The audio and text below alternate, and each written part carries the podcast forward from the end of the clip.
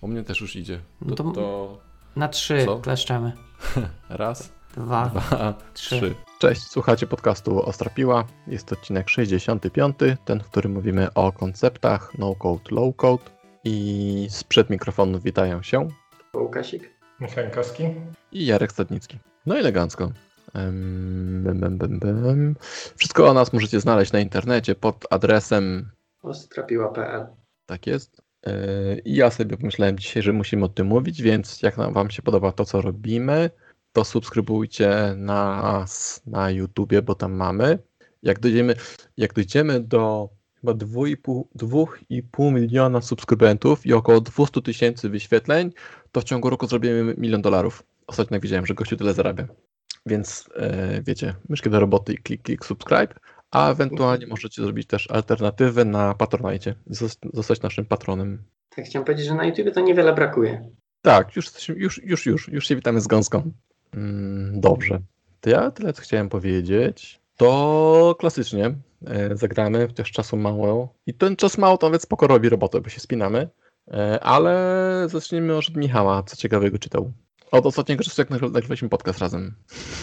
Oj, to, to, to, to ja bym powiedział Kubusia Puchatkę nawet można zaliczyć jako ostatni podcast, bo my chyba jeszcze nie nagrywaliśmy, jak dobrze pamiętam. Chyba nie. Chyba nie, ale ostatnio w tamtym y, tygodniu pojawił się nowy Technology Radar, gdzie jednym z teamów też właśnie jest y, wrzucony jako Democratizing Low Code, więc y, patrzyłem co tam popisali, co, jakie platformy wymienili, Mhm. więc to patrząc na to, to taka ciekawostka z, y, z ostatnich czasów. Okej, fajnie, fajnie. A ty? Bardzo dobrze miałem, miałem pytać o, o Technology Radar. Nie, nie, nie, nie czytałem akurat. Już kiedyś tam przestałem czytać. Ja Simpsony czytam. Cały czas, pięknie. Cały czas. elegancko. Cały czas. A ja, aha, ja. A poza Simpsonami, nie, no czytam Wiedźmina tego, tą czwartą część wziąłem. Mhm. E, Wieża Jaskółki chyba się nazywa. Mhm, może być. No, a technicznego to nic nie czytam. Widzicie, ja ostatnio tego, ja We- Wegnera e, kończę opowieści z pogranicza. Kurczę, super książka, która wciąga, ale tak mówię, po tej wr- wrócę do technicznych na chwilę. Nie ma po co, to wszystko wiemy. Właśnie, gdybyśmy nie wiedzieli, to musielibyśmy czytać, ale jako, że wiemy, to nagrywamy podcasty, nie? No kurczę, ale jak do biura się nie jeździ, to nie ma kiedy słuchać. Tak to było godzinka w jedną stronę, godzinka w drugą codziennie. Zrób sobie dzieci i będziesz usypiał i podczas usypiania możesz czytać książki. A już myślałem, że podcasty słychać. nie, proszę cię, podcasty, co to, nie, co to jest? To ja was zagnę e, tym, co czytałem. Chcecie strzelić autora? Jest polski, polski, polski autor. Mm, Nie, e, nie IT, tak? Nie. A to nie znam. Okej. E, Czytałem Transatlantyk Witolda Gombrowicza. O, jeez. Nie wiem, Tak. to jakieś lektury są czy coś? Nie wiem, w drugiej A klasie. mówię o dzieciach, to, to jejku, to ja nie wiem, czy należy być dumny z jego dzieci, czy współczuć. Nie, nie. E, Była jakaś promocja, stwierdziłem, dobra, poczytam coś, co wiecie, z takiego w ogóle na, na języku polskim powinno być czytane. I powiem wam, przesłuchałem tą książkę i myślę sobie, kuźwa w ogóle, co ja przesłuchałem? Nie wiem, o czym to jest, nie? To jest, to jest po prostu najlepsze, że myślę, ja jebie, znowu jestem w liceum. Em, I przeczytałem, musiałem wejść na wiki i przeczytać i, i okej, więcej tak jak czułem, że to tak trochę o, o, o tym jest ta książka, to właśnie o tym była, nie? Ale e, ja już sobie po prostu przypomniałem, czemu nie czytałem lektur w liceum, bo po prostu nie są to czytania. Tak jak. Ale ty mówisz, prze, przeczytałeś, patrz, przesłuchałem. Nie, nie, tak, tak, tak, tak, oczywiście. Przesłuchałem później. E, właśnie, tak, tak. Dla mnie usłuchać, czy czytać. E, także Ty musiałeś ciężko, nie? streszczenie, tak czy inaczej. tak, chciałem zobaczyć, o co, co autor miał na myśli, nie? I Okej. powiedzmy, że rzeczywiście domyślałem się, że to chodzi o to, ale nie dałbym sobie, wiesz, nic za to obciąć. E, także literatura. Grubo. I, no, ale okej, okej, tak? I Znałem coś polskiej, polskiej kultury. No dobrze, no dobrze. No to, no to, no to y, coś tam się pojawiło, jakaś recenzja, panie Pawle? Nie, przynajmniej na iTunes nie ma nowej recenzji. Piszesz, muszę Anastazję tutaj podpytać, czy ona zrobiła save. No dobra, e, no to tak, no to tak. Myśmy, ja nie pamiętam z którego odcinka się wziął nasz ten podcast Low Code. Ona Nie wiem, czy on się wziął z odcinka, nie wiem, czy on się po prostu na Twitter, a może z odcinka się wziął? Z któregoś odcinka. Nie, wydaje mi się, nie, nie, wydaje mi się, że ja słuchałem albo oglądałem jakiegoś, jakieś wideo, Mhm.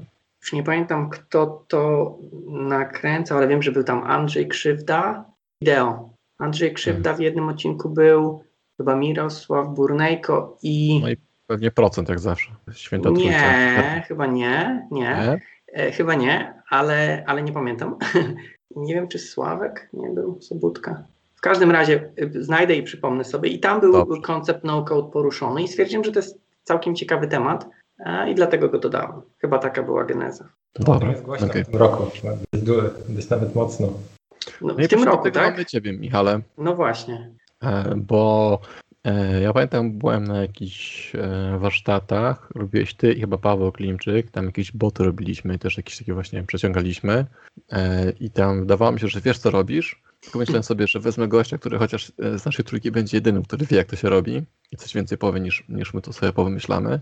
E, Bo, a jeszcze jakieś widziałem e, twoje z Piotrkiem chyba też e, ażurowe rzeczy i też coś w tym temacie.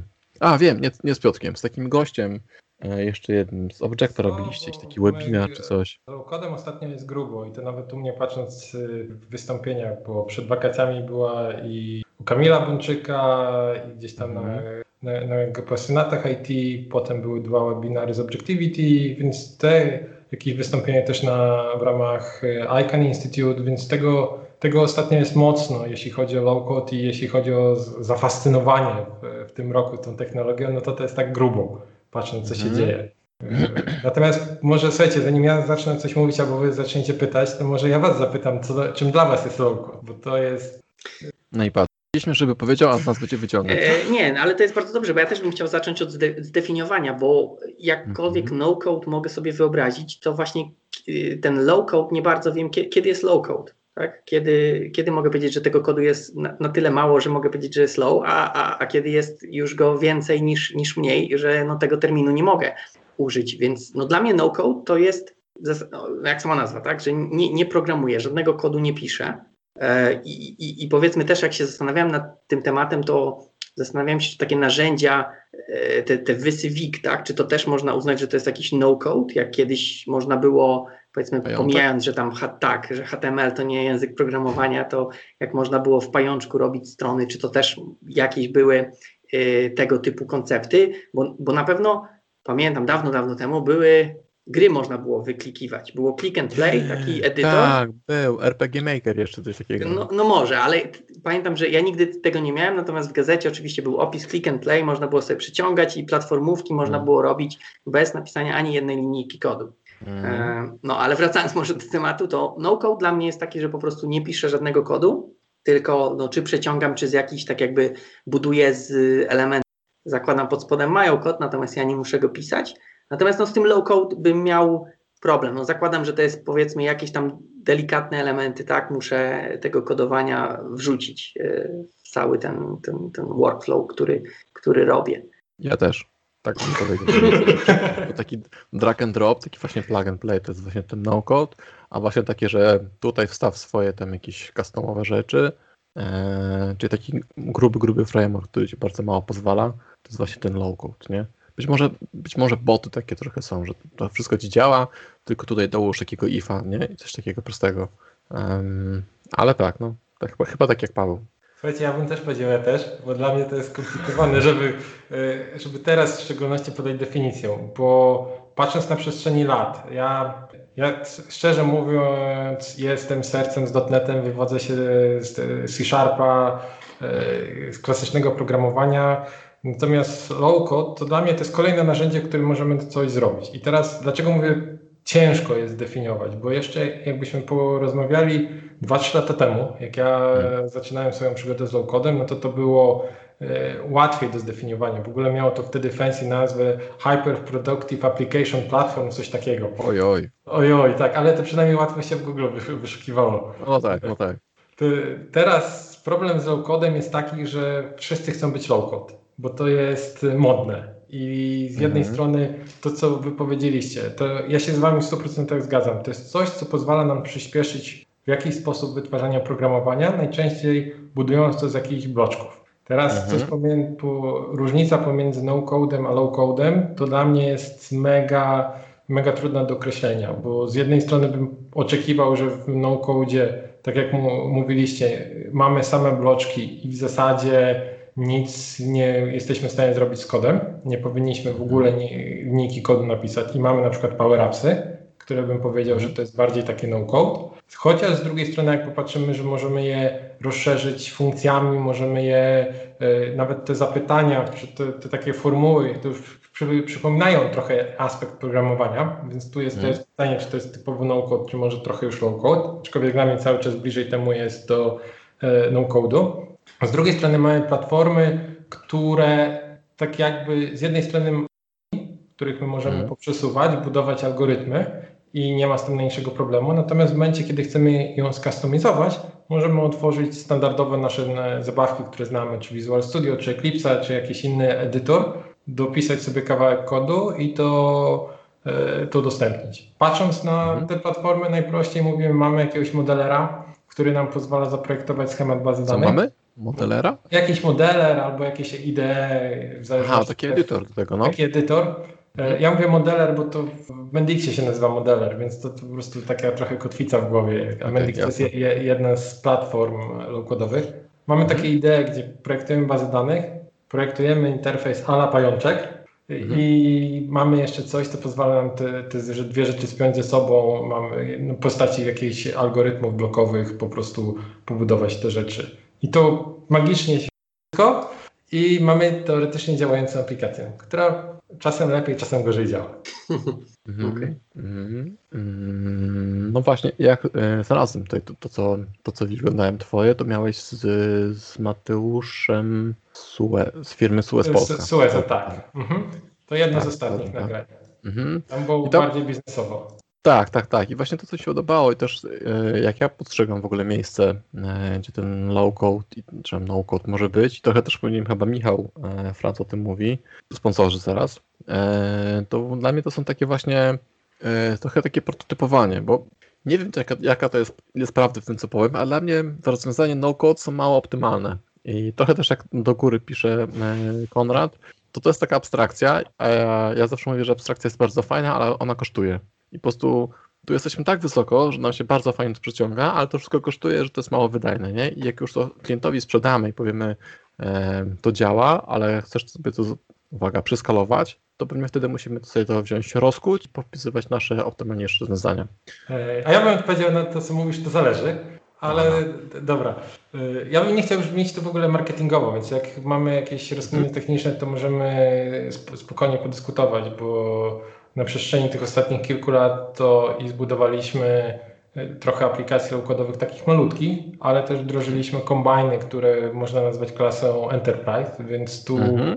y, mo, mogę trochę popowiadać, jak to wygląda. Natomiast okay. ja trochę jeszcze odwrócę trochę pytanie, y, bo to, co mówisz, y, zawsze nasz ten język wyższego rzędu kosztuje wydajnościowo. Mhm. Patrząc, mając assemblera, przeszliśmy na C++, a tam po drodze C, potem mamy, te plusy nam się połączyli, mamy C Sharpa. Za każdym razem, ta każda wyższa wersja e, tej, tej abstrakcji językowej, ona jest wolniejsza niż jak jeżeli byśmy stosowali język niższego poziomu. E, pytanie możemy się zastanawiać, jaki to jest koszt dla nas. Przy tym, co teraz stoi pod biurkiem, przy maszynie które moc jest w miarę tania, gdzie się łatwo skaluje, może to aż, nas to tak bardzo nie boli. Z drugiej strony pytanie, na ile te podejście low-codowe potrafi nam wygenerować wartość biznesową szybciej niż e, podejście klasyczne. Więc tu jest, dla mnie to jest standardowy problem architektoniczny. My powinniśmy mhm. dobrać rozwiązanie do driverów biznesowych, które pomogą nam po, podpowiedzieć. To co mówisz, prototypowanie super, może się okazać, że jednym z takich dróg low code jest robimy prototyp, sprawdzamy czy działa, sprawdzamy market fit. Jeżeli chcemy zrobić na przykład jakąś aplikację dla klientów, na, tymi klientami mogą być osoby od nas z biznesu. Jak mhm. nam to zaczyna jeść, sprawdza się, zastanawiamy się, czy zostajemy przy low code, czy wracamy na przykład do naszych klasycznych zabawek. Tak, tak, tak. No, no tak, tak, się zgadzam, rzeczywiście. E, po tym skalowaniu to mówiłem rzeczywiście, jak już, jak już się okaże, tak, że mamy, wiesz, tam e, tyle ludzi na świecie, to wszyscy korzystają i, i zaczyna nas po prostu koszta dusić, e, ale tak mówisz, jak to robi robotę i wystarcza, to ja bym tego nie ruszał, nie? E, bo to mi się kojarzy z, z drugiej strony, kiedy miałem ostatnio jakąś rozmowę i gościu mnie pyta, e, jakie są zalety klasy SEAL, to ja mówię, że no, nie możemy dziedziczyć, a on co jeszcze?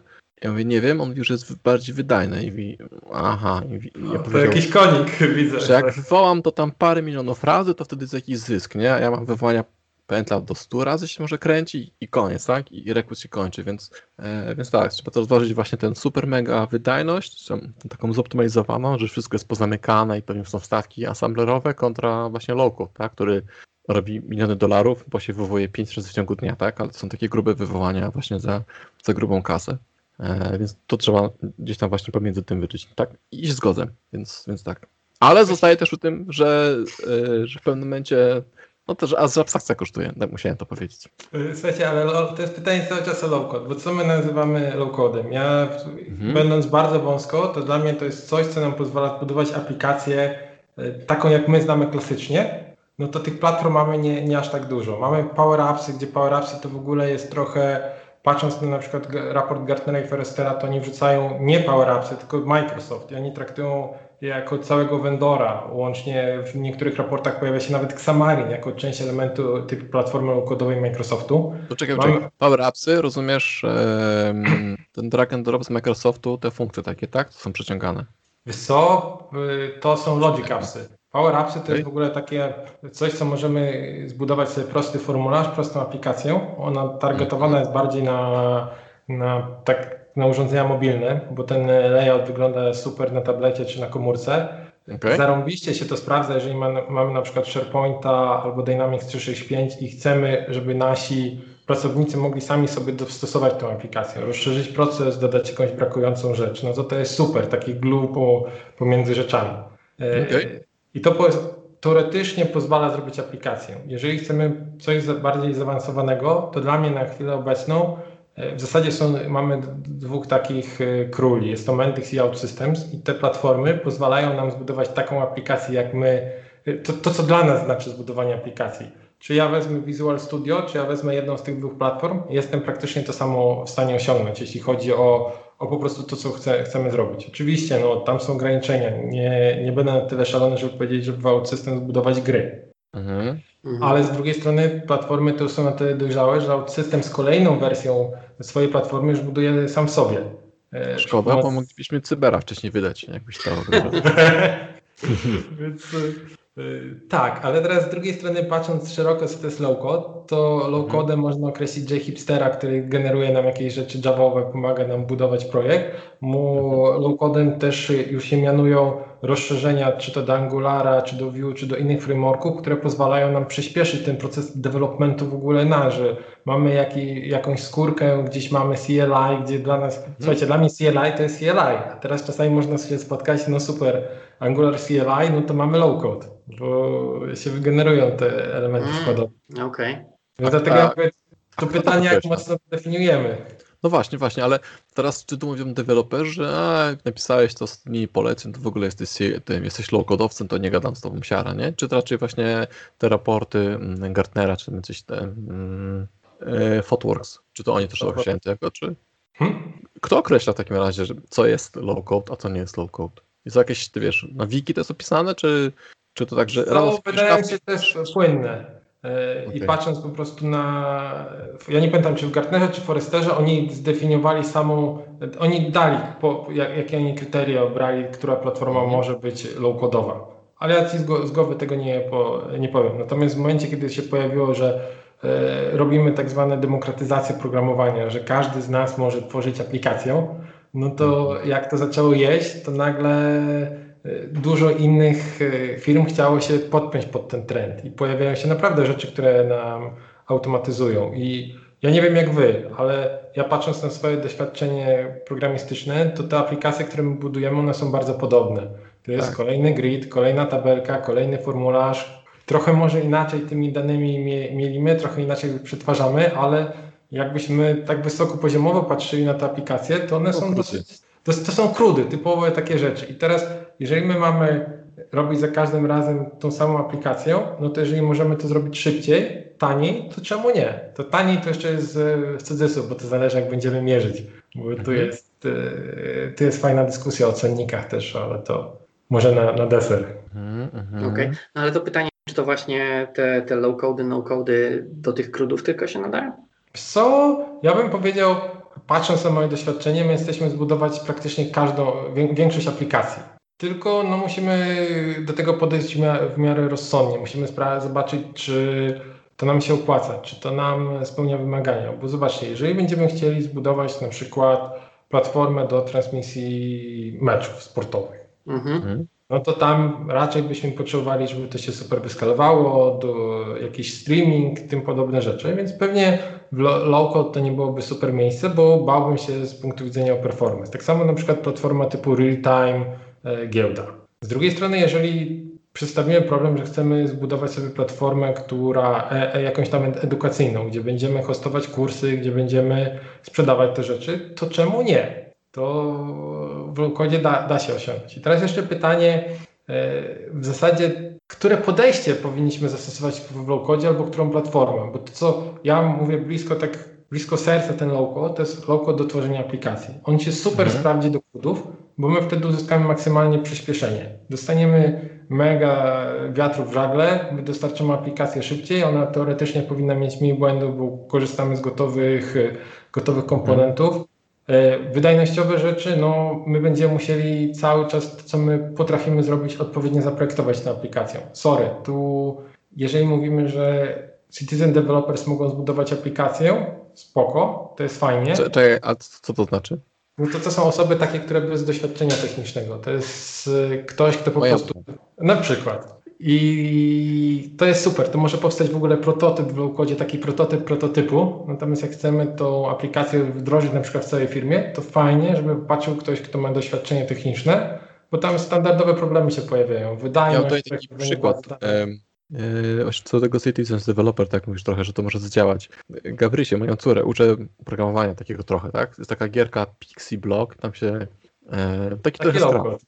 Tak, i tam przeciągasz, nie? Idź w prawo to strzałeczkami i ona miała pójść powiedzmy z, mm, stąd miała pójść, tak? Czyli z lewego góry miała pójść na dół, później w prawo i do góry, nie? I to byśmy zrobili my, tak w sensie pójść tak. A ona poszła tak sobie tak zygzakiem, sobie pochodziła i, i generalnie zmieściła się w wymaganiach, tam jest limit, limit ruchów i wykonała też te wszystkie operacje, które miała gdzie wykonać, zamalowała, co miała zamalować, ale właśnie to, co mówisz ty, tak? Czyli e, ten citizen sobie zrobi, że to się tam zadziała, ten cały kod, natomiast później wchodzą fachowcy, czyli my i mówią, o pani, kto to pani tak skompilował i robimy tą, tą optymalizację, o której mówisz. Ona chciała e, pozwiedzać po prostu po kolei.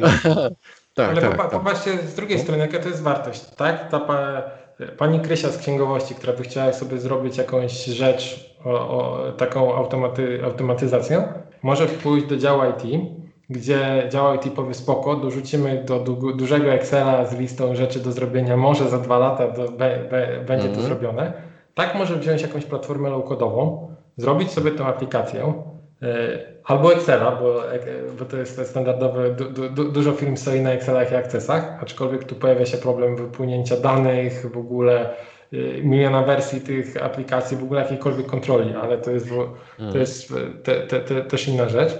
Ona może zrobić to, zobaczyć, czy jej zadziała. Jak zadziała, może przekonać inne osoby, zobaczcie, używajcie tego czegoś i w momencie, jak ta nasza aplikacja, sta, ta aplikacja Pani Krysi staje się e, tak jakby już przyjmuje się w tej firmie, to my możemy zrobić governance na to, wziąć po prostu do IT, nałożyć odpowiednie prawa, sprawdzić, czy to działa optymalnie, czy nie, czy tam powinniśmy jakąś kontrolę danych włożyć, czy mhm. zarządzać użytkownikami i doprowadzić tą staną takiego spoko. W ogóle pytanie, czy czasem może się okazać, że to jest na tyle małe, na tyle fair enough, że tego nie trzeba ruszać, bo to też, e, też jest taka możliwość, ale z drugiej strony każda z tych naszych osób w firmie może coś stworzyć. To też jest wyzwanie, bo zobaczcie, jak już teraz mówimy o Excel Hell czasem w niektórych firmach, że tych Excel lata po mailach masa, nikt nie kontroluje, nikt nie kontroluje wersji tego, no to tu jak pojawią się aplikacje, to też jest podobne ryzyko. Aczkolwiek z drugiej strony tu najczęściej mamy systemy do zarządzania tym, więc y,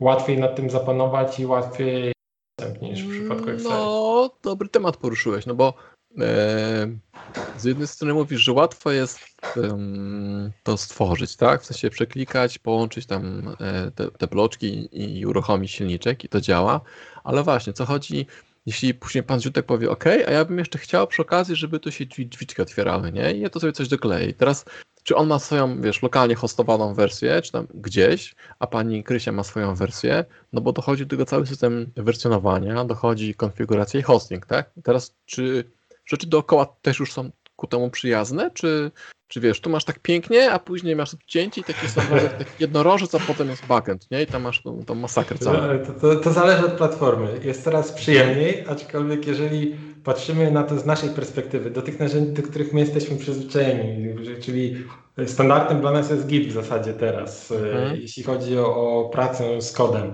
Standardem jest, że możemy spokojnie branchować, możemy y, wiele osób pracować nad tym kodem równolegle i to jest w miarę fajne. No to ten low code na razie jest, tak jakbym powiedział, epicentrum to są te platformy, które pozwalają nam szybciej dewelopować. Każda z tych platform najczęściej przychodzi z jakimś systemem kontroli wersji swoim. Czasem jest lepiej, czasem jest. Tak, czasem jest lepiej, czasem jest gorzej. I tu, tu jest wyzwanie, bo to, co, to, to, co Jarek, ty powiedziałeś, to nam szybko stworzy aplikację. Natomiast te mhm. problemy dookoła cały czas będą istnieć. Na chwilę obecną na przykład popatrzcie testy jednostkowe.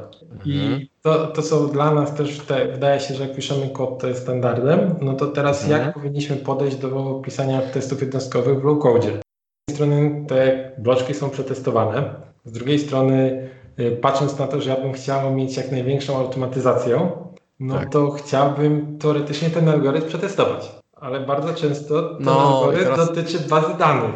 A i to też w zależności od platformy. OutSystems na przykład ma fajniej, bo OutSystems y, tak jakby izoluje te testy. I można napisać fajnie testy jednostkowe, które odpalają się gdzieś tam z boku i nie będą częścią skompilowanej wersji. Na przykład w Mendixie mają to strasznie y, złą stronę zrobione, bo oni wrzucają testy jednostkowe jako część y, binarek, które idą na serwer. I ja się boję, słuchajcie, ja się boję, tym hmm. bardziej ja nie mówię, jak, jak aplikacja się zrestartuje, to to my ci testy też jeszcze raz uruchomimy, żeby sprawdzić, że to wszystko działa. Ale ja, ja znam ryzyko. Nie daj Boże, ktoś się pomyli na tym teście i coś puści na rzeczy baz danych. Tak, to ja nie chcę. Sorry, ja nie chcę czegoś takiego. Teraz patrząc na system kontroli wersji. W OutSystems podejście jest takie, że e, teoretycznie powinniśmy podzielić naszą aplikację na dużo małych modułów i każdy deweloper powinien sobie siedzieć i pracować nad tym małym modułem bo tam jest mega niefajnie zrobione z, praca współbieżna z kodem. Tam jest go, po prostu y, merge, jak dwie osoby pracują nad tym samym modułem, no to to jest piekiełko trochę. Mhm. No właśnie, porównujemy jeden wykres do drugiego wykresu, bo w zasadzie mamy schemat blokowy i to jest y, wyzwanie. No tak, tak. A z drugiej strony w Mendixie to bazuje jeszcze na SVN-ie, ale jest o niebo lepiej niż y, w przypadku OutSystems. Tam możemy robić brancze, możemy E, możemy pracować równolegle. Koncepcja jest bardziej, że budujemy ra, raczej w stronę monolitu. Też można dzielić na moduły, ale na te IDE, które y, służy do merdżowania jakichś tych rzeczy jest sprawniejsze. Ale cały czas, jeżeli y, jak pracują osoby, no to to jest mu podejście takie, starajmy się nie wchodzić do tej samej piaskownicy, y, ruszać tych samych jakichś kontrolek algorytmu, bo to merdżowanie nie jest na, na, na tyle okay. fajne. Patrząc na OutSystems, mają fajny tool do badania statycznej analizy kodu i to jest naprawdę już jest przyzwoicie, już pokazuje, co powinniśmy poprawić, gdzie jest błąd, gdzie są jakieś security issue. Z drugiej strony, mając na przykład Mendixa, no to tam je, je, jeszcze kuleje. Pojawiają się toole, które dekompilują kod low-kodowy na Java i pokazują błędy do tego dekompilowanego kodu, więc to w ogóle... Okay. Interesujące. W tą stronę, więc to tu widzicie, wyzwań jest sporo. No, zaczęliśmy od platform, natomiast ten ekosystem dookoła e, się buduje, rośnie. No właśnie, no. właśnie. A, no, no mów. Znaczy nie, bo chciałem tam to już i tak w momencie, gdy już powiedzmy to IT wchodzi, tak? No bo nie, nie, nie widzę jakby tam, nie wiem, pani Krysia sobie tam jakimś z kontrolą wersji, tak, miała coś działać. E, więc to już i tak już nie jest no. ten późniejszy Ale co, to, to zależy jak to jest sprzedane, bo jeżeli e, teraz Niektóre rozwiązania mają osobne IDE dla przeznaczone do tego citizen developera, które mhm. ułatwia tworzenie aplikacji i tam każdy save może być ko, ko, ko, tak jakby commitem do, do systemu kontroli wersji z prośbą napisz co zmieniłeś. Jest fair enough. Pani Krysia sobie poradzi. Z drugiej strony, jak my chcemy to zrobić coś bardziej zaawansowanego, to mamy IDE dla programistów, gdzie oni po prostu rękawy do góry, no to my się pobawimy i możemy robić więcej. No okej, okay, no ale po, powiedzmy w międzyczasie jakby ta pani Krysia y, chciała zapisać, miałaby konflikt, no to wtedy rozumiem, już nie będzie napisz co zmieniłem, tylko proszę tu trzy okienka i merge'uj. No tak, no tylko po Diagram. prostu ba, ba, bardziej, bardziej przecywilizowany sposób. No zobaczcie, ilość merge'u można zrobić w sposób automatyczny. To też nie jest tak, że No każdy tak, merge tak. nas boli. Tak. Mm.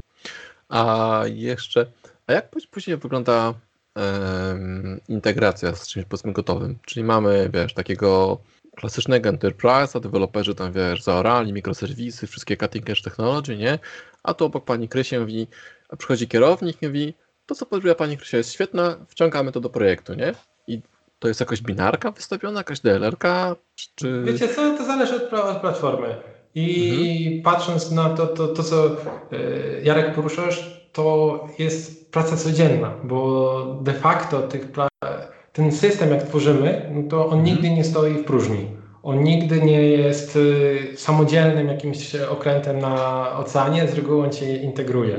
I teraz Mhm. ta integracja może być na różnych poziomach. My możemy wystawić endpoint na platformie, do której inne systemy będą, będą strzelać. Możemy konsumować in, endpointy z innych systemów. Najprostszy, najpro, najprostszy sposób. Czy to jakiś REST, Mhm. czy jakiś Mhm. web service, czy ODatę.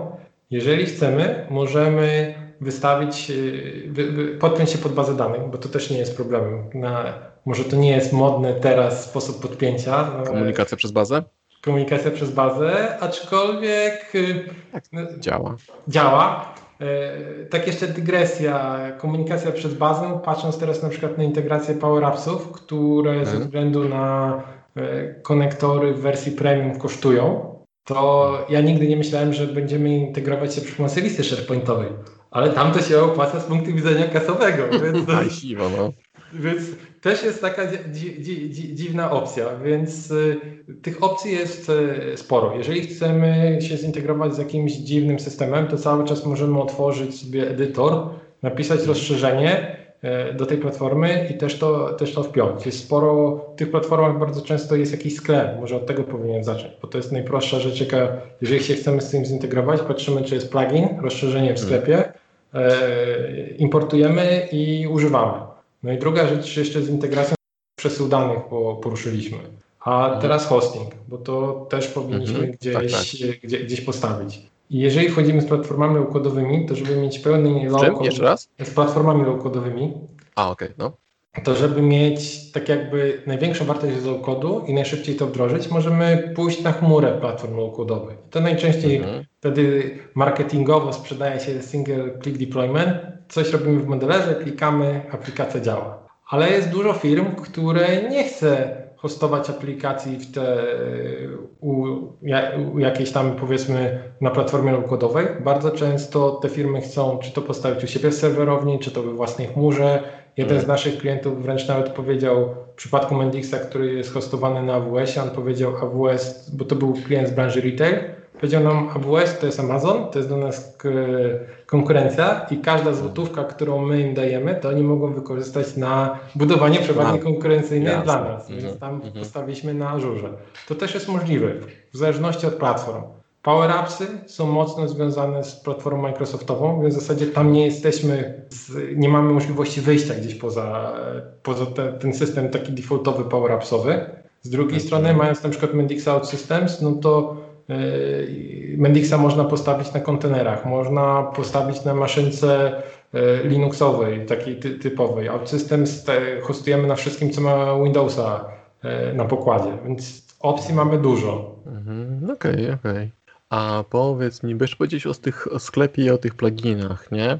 Rozumiem, że te pluginy są płatne. To jest tak, że tutaj macie tę w miarę przyzwoitą, normalną cenę za system, jest bardzo prosty i przyjemny. Ale jak chcecie pluginy, no to tu się zaczyna właśnie. e, Co, to zależy, ale może przejdźmy po, po, po płatnościach, bo to jest dosyć ciekawy aspekt e, low-codowy. Bo generalnie nikt nam, jeżeli ten low-code jest taki super, jak wszyscy mówią No marketingowo, właśnie. e, podobno jest. Będzie pan zadowolony. Będzie Pan zadowolony, aczkolwiek pojawią się problemy takie jak w standardowym softie, że trzeba zrobić to wydanie, trzeba odpowiednie bazę zaprojektować, spoko. E, Mhm. To jest do ogarnięcia. Natomiast... A poczekaj, poczekaj, poczekaj, bo, e, bo ja to sobie wyobrażam raczej tak, że przychodzi ten, ten, cały, ten cały framework taki, tak? Sobie przyciągasz pyk, pyk, pyk i to samo ci projektuje bazę. Że to ma nic wspólnego. No dobra, no to teraz jak pani Krysia bazę danych projektuje, nie? Czy na co? Robi, wiesz, robi jedną tabelę i mówi imię, nazwisko, imię i nazwisko, nazwisko i imię, PESEL, PESEL, imię, nazwisko, wiesz, klei takie potrzeba, czy No. tam są jakieś, tak?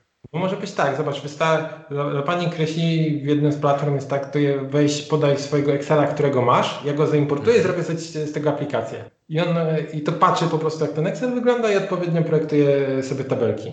Inna opcja dla pani Krysi, to która też działa, budujesz forma i po prostu Mhm. kładziesz tam elementy. No mówisz, mam formularz, no to dodajmy sobie e, pole do wyboru. No to on automatycznie ci stworzy z boku e, tabelkę. Tak, tak. Tak, tylko chodzi mi, wiesz, że my na przykład wiemy, tak, że masz osobne imię i nazwisko, to są dwie kolumny, a imię i nazwisko w- w locie kleisz, nie?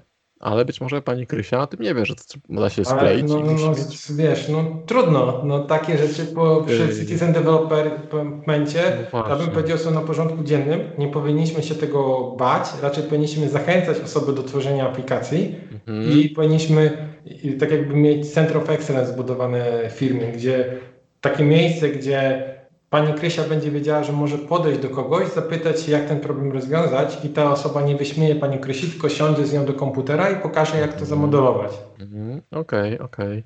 To jest spoko dla, dla firm IT, ale jak chcesz coś takiego zrobić w domu, to, e, to nie masz kogo takiego podejść, nie? No bo wiesz, nawet powiedzmy, jeśli to jest powiedzmy moja mama, jak do mnie zadzwoni, no to powiem jej, że się nie robi trzeciej kolumny z, e, z imieniem, nazwiskiem, tylko w locie.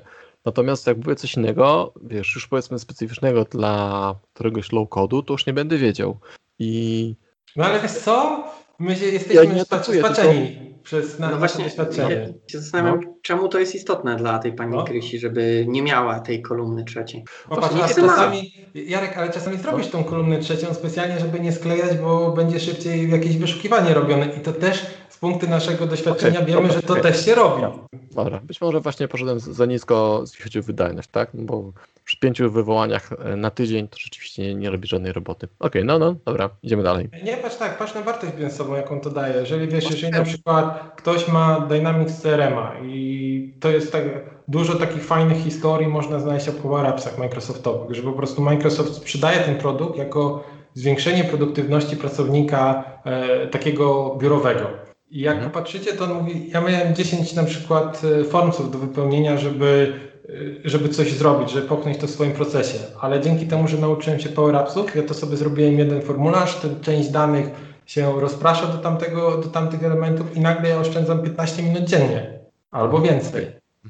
Kupuję. Dobra, to są ka- kasa, tak? Bo było pytanie o... Tak. No tak. właśnie, mieliśmy.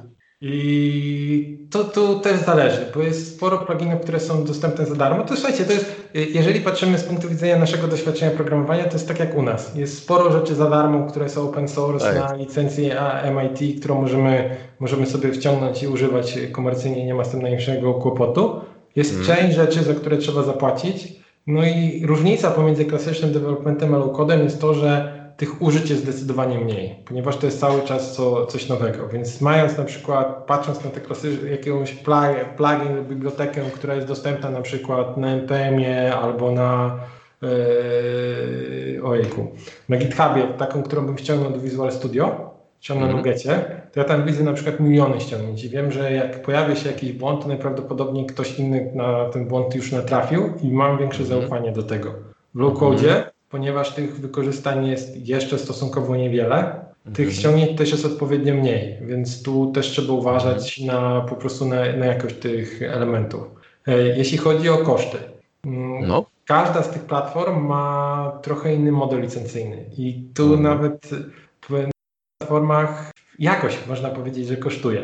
Dlaczego? Najczęściej jaki spotykamy model to jest ilość użytkowników, ilość aplikacji i czas. I Okej. wtedy mów- mówimy, że chcemy w aplikacji na przykład low-codowej zbudować jedną aplikację na 10 tysięcy użytkowników. I dostajemy od vendora informację, to rocznie będzie Cię to kosztowało tyle. ale to jest koszt frameworka, którego kupujesz, czy raczej frameworka z hostem? Wiesz co, host przy, przy tych jest cenach jest tak niski, że na to mało kto zwraca uwagę. Bo maszynkę na rok na przykład do Mendixa może za e, kilka stówek e, euro czy tam dolarów kupić, natomiast jak policzysz te licencje, to one już dochodzą do od kilkudziesięciu tysięcy rocznie potrafi to kosztować. Czyli to jest Czyli to jest koszt e, za, za licencję, Za używanie. używanie tego silnika. Tak. Okej. Bardziej jest nawet za wykorzystywanie aplikacji, a nie silnika, bo większość tych platform low-codowych te, te wszystkie idee dla deweloperów ma za darmo. Po koszcie pojawia w momencie tych użytkowników finalnych, którzy, którzy to używają. I teraz Mhm. jeszcze pojawia się bardzo często rozróżnienie użytkownik wewnętrzny, zewnętrzny, czyli wewnętrzny to jest osoba, która korzysta na co dzień z tego systemu. Yy, On jest droższy z reguły, jest użytkownik zewnętrzny, osoba, która korzysta sporadycznie. Niektóre Mhm. platformy charge'ują za wykorzystane elementy. Do poprzedniego roku OutSystems Mhm. nie tylko ci liczył za użytkowników, ale liczył Mhm. za wykorzystane bloczki w aplikacji. I Mm. Tak jak e, BMW chciał wprowadzić, tak? Że kupujesz całe auto, ale płacisz za to, z czego korzystasz. Kierunkowskazy oddzielne. Ale, Tak, to jest, tak, tak, ale tak. to jest dobre. Z drugiej strony masz GPS-a po Wrocławiu nie potrzebuję, ale może jakbym jechał raz na wakacje na, y, gdzieś Tak. tam, to mi się przydało. Albo jakiś taki jakiś dziw, dziwny system. Y, Mhm. Natomiast popatrzcie, tu architektura kosztuje. Bo co, jak firmy zaczęły to obchodzić? No. Mm, Form kosztował je, je, jeden tam punkt, powiedzmy ten, y, tam było Application Unit, chyba bodajże tak to się nazywało. Okej. Takim formem to był pop-up. Więc w momencie, żeby o, o zmniejszyć koszty, to nagle powstawał jeden Uber pop-up, który po prostu po, zachował wszystko. Bo tak jak Inżynierski. taki inżynierski. No, po prostu był jeden masakryczny switch, który mówił, że jak to, to wyśle to, jak to, to wyśle tamto. Bo czasem wiesz, Okej. ale no, za, jeżeli ktoś miał zapłacić za coś, e, za, za taki element, no to, to e, to po prostu było rozwiązanie z punktu widzenia licencyjnego super, z punktu Mhm. architektury gorsze. Z drugiej strony Mhm. popatrzcie, to architektura kosztuje. Normalnie byśmy, e, gdybyśmy nie mieli te, tych rzeczy tak e, punktowanych, to byśmy zrobili pewnie jeden moduł, drugi moduł, odseparowali rzeczy, ale każdy z tych modułów e, kosztuje punkt. Więc w momencie, gdzie mam za to zapłacić, to nagle zastanawiamy się, czy rozwiązanie powinno być efektywne e, kosztowo, czy architektonicznie. Wracamy, że stary, dobry monolit jest całkiem spoko. No, no tu inna rzecz, nawet popatrzcie na tę ilość aplikacji. Yy, Chcąc zbudować aplikację w low-code, która będzie zbudowana z mniejszych aplikacji i to jest super case na przykład na low-code, że wdrażamy low-code do firmy, mamy dużo aplikacji mniejszych, które użytkownicy sobie robią, no to, Mhm. to my płacimy za aplikację. Natomiast jeżeli czasami przychodzą do nas firmy, gdzie nam wychodzi, że low-code na przestrzeni pięciu, mamy, jak wybieramy, czy jest low-code jest to dobry. Mhm. E, Najczęściej patrzymy na TCO, Total Cost of Ownership. I teraz y, patrząc na czas życia naszego systemu, to naj, tak statystycznie system żyje pomiędzy 3 a 5 lat. I teraz Okej. jeżeli ten low code jest tańszy w utrzymaniu niż ten e, klasyczny system, to my Mhm. bardzo często proponujemy klientowi zbudowanie aplikacji w low code. Jeżeli widzimy, że te, to jest miejsce, gdzie można wykorzystać low code. Mhm. I teraz może się pojawić, że to jest pojedyncza aplikacja. I w Mhm. momencie, gdybyśmy chcieli zastosować tam jakąś architekturę mikro, o ile w low-codzie można powiedzieć tą mi- mikroserwisową, no to Mhm. nam nie wystarczy już licencja na pojedynczą aplikację, tylko będziemy musieli mieć licencję, która pozwala na stworzenie kilku aplikacji, bo każdy z mikroserwis jest, y, jest tak jakby dodatkową aplikacją. Tam, Oddzielny. k- k- kredytami, tak. Więc okazuje się, że wtedy y, biznesowo się to może nie dopiąć, więc tam taki y, staroświecki monolit potrafi całkiem y, nieźle zadziałać z punktu widzenia kosztowego. Mhm. Ciekawe, ciekawe. No to y, ciekawa forma ściągania haraczu za to, nie? Że coś jest proste, a nie. A, Ale mówisz haracz. Ale powiedz z innej No. strony, zmienia ci to model cashflowowy, bo my jak, jako programiści czasami nie myślimy z punktu widzenia kasy. My mamy apkę do zrobienia, spoko, zajmie to 3 miesiące, będzie pan zadowolony. Natomiast y, patrząc na cashflow, je, aplikacje low-codowe potrafią teorety, statystycznie od 4 do 10 razy przyspieszyć proces wytwarzania oprogramowania. I na jakiej podstawie? Wiesz co, e, porównując, na, my nawet w firmie zrobiliśmy swego czasu eksperyment, że e, napisaliśmy jedną aplikację klasycznie, drugą Mhm. napisaliśmy low-codowo, patrzyliśmy ile, ile szybciej wyszło. Trochę nam nie, jedna rzecz nam nie wyszła, bo nam wymagania się rozjechały, bo, bo to był za- zakład między mną a drugim architektem. Najpierw ja pojechałem na urlop, potem, potem odpojechałem na urlop i wyszło trochę co- coś podobnego, ale nie do końca, bo Okej. osoby, które dewelopowały, okazało się, że się nie synchronizują, więc tam udało nam się dojść do porozumienia, że tam wyszło około 5 razy szybciej. Natomiast y, to z tym można polemizować, bo ja patrząc na swój background klasyczny potrafię zrobić niektóre rzeczy szybciej niż w low-code klasycznymi metodami i w drugą stronę.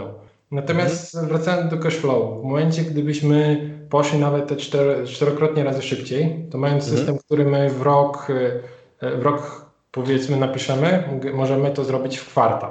I teraz mhm. to kosztuje nas mniej odpowiednią kasę za programistów, tak. Z drugiej strony mamy koszty licencyjne, więc mamy ten cashflow taki, że on jest niższy, ale rozłożony na kilka lat ze względu na koszty licencyjne. Teoretycznie tak jakby kredytujemy swoją aplikację przy pomocy low-code'a. Mhm. Z drugiej strony my dostarczając tą aplikację szybciej, e, to, to pozwala dajemy nam... zarobić też. Dajemy mhm. wcześniej zarobić. Jest, trzeba po prostu policzyć. Jasne. Jak po trzech miesiącach zobaczymy, że nam coś nie wyjdzie, no to super, możemy zmienić kierunek, zmienić front, możemy coś z tym mhm. zrobić. W klasycznym developmencie płacimy dużo kasy z development i po roku okazuje się, że z tym już nic nie zrobimy. Tak zwany waterfall. No, wiesz, agile'owe projekty to też czasem są. Robimy agilem, ale kontrakt jest. Tak, tak, tak. E, spokojnie, mam czas do końca roku, tak? Tak. E, a powiedz mi, miałeś taki przypadek, e, że właśnie robić sobie low coda i gdzieś w międzyczasie z jakiegoś powodu, nie wiem, czy klient, czy wy, czy wymagania, czy cokolwiek, czy palec Boży mówi, okej, okay, przechodzimy na, na normalne podejście. I da się jakoś to tak sensownie zacząć, wiesz, migrować, że tu jeszcze stoi kawałek low codu i nagle tu już dochodzi, wiesz, taki tam klasyczny .NET, czy tam Java, czy tam cokolwiek. Wiesz, także w momencie, że podjęliśmy decyzję o czymś w low-code i totalnie robimy exit strategy, jeszcze nie mieliśmy. Natomiast zdarzają nam się funkcjonalności takie, że e, robimy, robimy, robimy coś, dochodzi nam jakieś mhm. wymaganie i czasem dodajemy, obudowujemy e, sobie rzeczy z, klas z klasycznym e, rozwiązaniem. Takim najprostszym, najprostszym dobudowaniem to jest podmiana bazy danych, która jest powiedzmy domyślna na jakieś platformę lokodową do podpięcia się do SQL-a czy takiego Microsoftowego, do czegoś, do czego mamy większe zaufanie, do czegoś, co wiemy, że mhm. większa wydajność.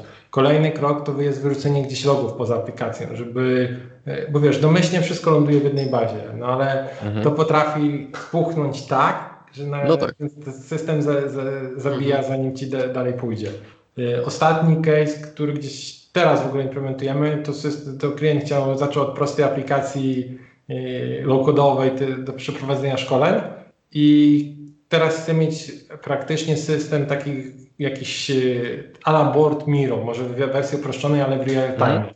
Więc teraz, żeby ta platforma low-codowa przy odpowiedniej ilości osób, ona się nie wyskaluje tak samo jak dodatkowe jakieś narzędzia, więc my e, robimy tak jakby core w low-codzie, natomiast dokładamy, e, dokładamy sobie z boku Firebase'a, żeby można było wziąć ten ruch jakiś tam związany z odświeżaniem tego na, po, poza platformę low-codową.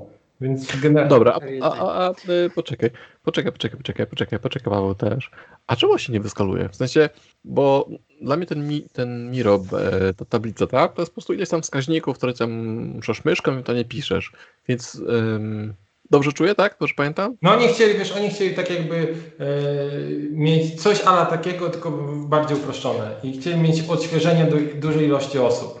No właśnie, i teraz w czym jest problem? Bo ja to widzę mniej więcej tak, tam gdzieś pod spodem, jakby tak na sobie zajrzeć, że to jest prawdopodobnie ileś tam e, funkcji ażurowych, które po prostu się tam wtyrkają sobie. Jak jest trzeba więcej, więcej siły, no to więcej tych funkcji naraz jest odpalonych, tak? Tak, tylko to więcej kosztuje i to się nie spina. A, Właśnie, okej, okay. czyli to nie był problem skali technicznej, tylko skali finansowej. Co, skala techniczna, jeżeli widzę, że coś jest nieoptymalne i zaczynam strzelać do backendu, wiesz, co sekundę na przykład, żeby zrobić active pooling e, o, o, o dane i tam nie mam serverlessa, który mi mało kosztuje e, i się skaluje, bo zobaczcie, low-code to bardzo często to jest jakaś maszyna stanów, która coś tam dzia działa, albo w zależności od platformy. W Mendixie jest bardziej maszyna stanów, w OutSystem jest skompilowany kod dotnetowy.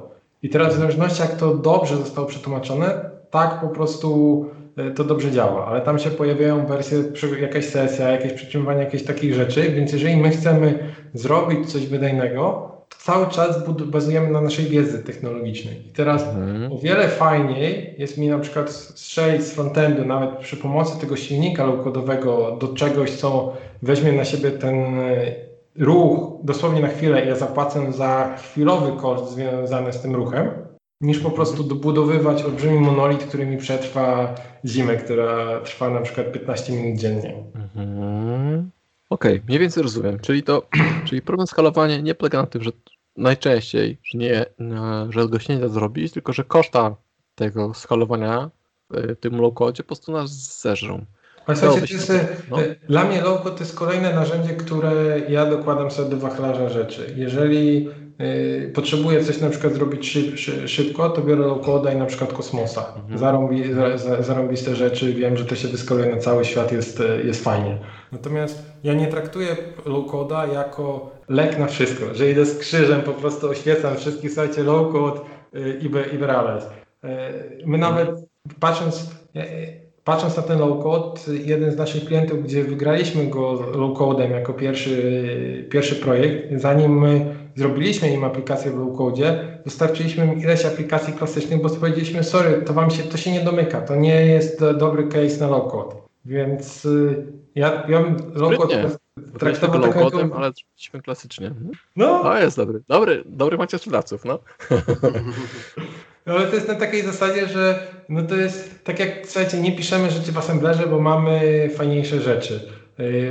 Krzywi już domyślnie, jak, jak to nie Znaczy nie, no ja miałem chciał coś powiedzieć, ale Okej, no. bo jak dla mnie to wszystko jest ok, natomiast porównanie z assemblerem i z językami wyższego poziomu jest na tyle złe, o może złe to jest za duże słowo, Mm. co nieodpowiednie, ponieważ z wyższego poziomu nadal mogę zrobić w zasadzie to samo, co tak na poziomie assemblera. Natomiast ja, jak widzę te low-codowe narzędzia, a i przez widzę mam na myśli to, to, co ile o nich wiem, bo może moja wiedza jest zła, to one są jednak ograniczone dość mocno, tak? No nie mogę wszystkiego w tych narzędziach zrobić, no chyba, że faktycznie Ale wiesz, Paweł porusza zarąbistą rzecz, bo dużo osób, które hejtują low-code, bo to, sorry, trzeba ja od razu nie hejtuję. Ale to ja wiesz, ja, ja trochę e, przekolorowuję te rzeczy, nawet porównując do Assemblera, ale jak zobaczycie, pogadacie z programistami, to dużo osób po, mówi, ja nie chcę przyciągać bloczków. Słuchajcie, ja też nie chcę, bo uważam, że są lepsze osoby do przyciągania bloczków niż ja. Natomiast e, ja bym raczej patrzył na te platformy jako narzędzie, które nam pozwala zaadresować jakiś problem. I teraz, zanim zaczniemy marudzić na te platformy układowe, siądźmy do nich. Zobaczmy dosłownie, jak to działa, zobaczmy, co można z tym zrobić, i wtedy podejmijmy decyzję, czy my rzeczywiście nie lubimy tych platform układowych, bo to jest nasze widzimisię i nam się nie podoba, czy może te platformy nie nadają się do niczego. I słuchajcie, przykład z, z firmy. Y, Mieliśmy ławeczkę w Objectivity, potrzebowaliśmy zbudować kompetencje w OutSystems, jak wchodziliśmy na nową platformę. E, Wzięliśmy kilka osób z tej ławeczki, żeby nam rozpoznało platformę. I to było tak, że szedłem na. Ja byłem święcie przekonany, że te osoby, bo to osoby były tak, że one nie widzą wartości w układzie, nie chcą w tym robić. No to ja się mówiłem z nimi, pobawcie się dwa tygodnie i po prostu po dwóch tygodniach mówicie stop i szukamy wam projekt. I ja po, po pierwszym tygodniu poszedłem na urlop, na chyba na trzy tygodnie wtedy i mówię, dobra, jak wrócę, to na pewno już tych, tych osób nie będzie. Słuchajcie, te osoby były tam, bo one e, z osób, które mówiły nie, bo to nie jest fajne, mówiły spoko. Na początku nawet poszły do osób do swojego poprzedniego pro, projektu, pokazując, zobaczcie, mi grid w Angularze z, zrobienie tego czegoś zajmowało na przykład tydzień, a tu w jeden dzień mam taką działającą funkcjonalność. Więc dostrzegły tą wartość, ale finalnie powiedziały, dobra, to jednak ma sens, ale ja bym wolał kodować sobie w Angularze, bo to jest dla mnie fajniejsze. I to jest wtedy fair. Tylko sprawdźmy, zobaczmy jak to, jak to działa. Czy to, co ty Paweł mówisz, że nie da się zrobić wszystkiego, ja bym powiedział prawie wszystko. Jeżeli się uprzesz, to nawet grę w tym napiszesz, natomiast no, nie będzie no, tak, tak wydajne, jakbyśmy robili to w, w językach niższego poziomu. Tak samo jak y, piszemy jakieś sterowniki do kart graficznych raczej w C++ niż w C Sharpie albo w Javie, bo to działa wydajniej, bo można y, mieć większe możliwości. Tak samo w platformach low-codowych. Biznesowe aplikacje, bym powiedział, jesteś w stanie dostarczyć praktycznie wszystkie. Okej. Okay. Czy ja, ja też, żeby nie było, nie hejtuję, bo pewnie za mało je znam. Natomiast no tak, przynajmniej na początku miałem wrażenie, że ten low-code bardziej się nadaje do takich, e, powiedzmy jakby tu dobrze określić e, politycznie, mało innowacyjnych, bym powiedział, rzeczy. Czy jakbym chciał nie wiem, innowacyjne. Yy, No, to no, tak miałem się- wrażenie, no. Znaczy w sensie to- zależy gdzie jest innowacja. No jeżeli innowacja jest, że szybciej przetworzę y, Excela, y, no to okej, to powiedzmy to może być innowacja. Natomiast no ze sprzętem się nie połączę, czy pod, podłączę się ze sprzętem z low code'a. No ale ja- co to jest za problem podp- podpięcie się ze sprzętem? No ja nie wiem, bo mówię, może moja wiedza jest zbyt mała, jeśli chodzi o low code. Czyli mogę po prostu w low code, mam urządzenie fizyczne, no poczekaj, ty mnie tam stopowałeś, to teraz też. Zarejestrowałem głos, proszę teraz. Odrzucony. E, czyli jak mam na przykład urządzenie na USB, to mogę z low code'a z- jakoś je oprogramować, tak? Okej, no dobra, no to zajebiście, to ja już, ja już jestem przekonwertowany. To jest język programowania jak każdy inny. Może nie weźmiesz tego z pudełka, ale w układzie możesz sobie napisać rozszerzenie, które się e, z tym podepnie. Naszym jednym z demo, takich właśnie pokazujących, że low-code nie nadaje się do takich małych rzeczy, to było zbudowanie symulatora parkingu. Na takiej zasadzie, że zbudowaliśmy na Arduino sobie urządzenie IoT, które sprawdzało, czy samochód stoi, czy nie stoi, z czynnikiem odległości, z diodami, gdzie mieliśmy aplikację mobilną, która ci, jak dojeżdżałeś do firmy, mogła zare, zarezerwować miejsce i ona czekała na przykład twoje 10 minut, aż ty przyjedziesz i ty post, było powiedziane zaparkuj na miejscu A10 i pojawiała się dio, informacja, to jest dla e, wujka Krzysia, czeka miejsce, weź to nie parkuj. I to sp- zrobiliśmy przy pomocy low-code aplikację mobilną, system do zarządzania parkingu. Natomiast te urządzenia LT oprogramowaliśmy sobie w klasyczny sposób. Jeszcze dodatkowo dorzuciliśmy sobie do, dorzuciliśmy sobie kosmosa, żeby tam było nam łatwiej te rzeczy po, ze sobą pospinać. Ja, ja myślę, że te twoje platformy są bardziej skomplikowane niż te, co ja powiedzmy tam widziałem. Bo ja widziałem jakiś tam bubble i tego typu. To wydaje mi się, że one po prostu, te, te które opisujesz, to są powiedzmy No tych platform jest. Jest dużo. Takim wyda, wydawało mi się, że coś fajnego pokaże Amazon. Oni wyszli AWS Honeycode yy, i to, to było gło, głośno, że wow, a, e, AWS czy tam Amazon wypuścił nową platformę kodową. Jak to się otworzyło, no to to pozwoliło zbudować e, Excela w, w webie, takiego, którego możemy, e, mo- możemy pełniać i co ciekawe, tam płaciliśmy za ilość wierszy w tym Excelu. Jarek, to coś chciałeś. Tak, bo ja chciałem, bo, bo Piru to jest takie nie, nieinnowacyjne, a ja mam taki kontrargument, że e, jakbyś dobrze wymyślił IFTT, jeśli jeszcze istnieje, nie pamiętam, Nie, Nie Jeszcze wiem. nie. Ładnie, to- Nawet jest. e, ten Technology Radar pokazuje, że to jest e, low, low, o low-codzie przypominają przy pomocy tej platformy. No właśnie, i wydaje mi się, że jak masz dobry pomysł, to nawet na, na podstawie tego IFTT możesz żeby zrobić dobry biznes, nie? Bo, bo innowacyjność jak dla mnie to nie polega na tym, że ty masz, wiesz, że wykrywasz koło, wy, robisz koło na nowo, tylko masz ten algorytm, który robi dobrą robotę. Jeśli sprzedasz coś, co Dobry. działa na IFTT, tak? No, No znaczy ja mówiłem, to- jak, zależy od innowacji. Jeżeli innowacja jest taka, że szybciej przetworzę Excela, czyli powiedzmy z, połączę sobie, y, nie wiem, y, Twittera z zapisywaniem wiadomości, że ktoś mnie polubi, to okej, takiego, ty- tak, tak, takiego typu innowacje, okej, mo, mogę no, się no. zgodzić, Dobra, okej. e, że to się da w tym low-codzie.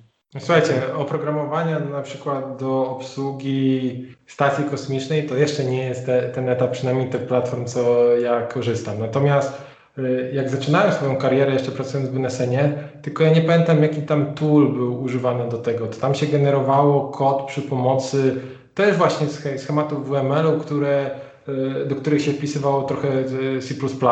plusa.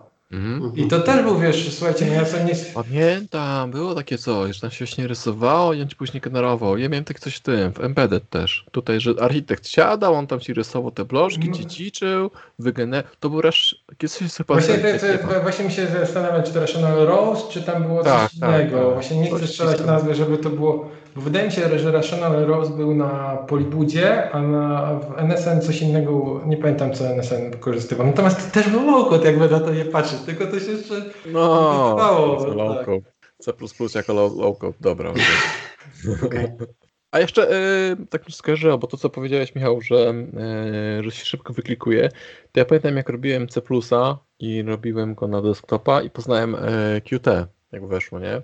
no, I pamiętam, że zrobiłem sobie jakiś prosty projekt i tam było tak, że można było takiego dropa e, przypiąć do z prawej albo do góry, albo z lewej strony myślę sobie, ja pierdzie, to samo robi się, po prostu ja bym, ja bym No, te, zarobiście sobie. takich komunikatów, tak, to bym się obstarł, żeby to zrobić, a to po prostu mówisz tam align, czy tam attachable równa się true i działa, nie? Myślę, ja, psz, tyle czasu zaoszczędzono, nie?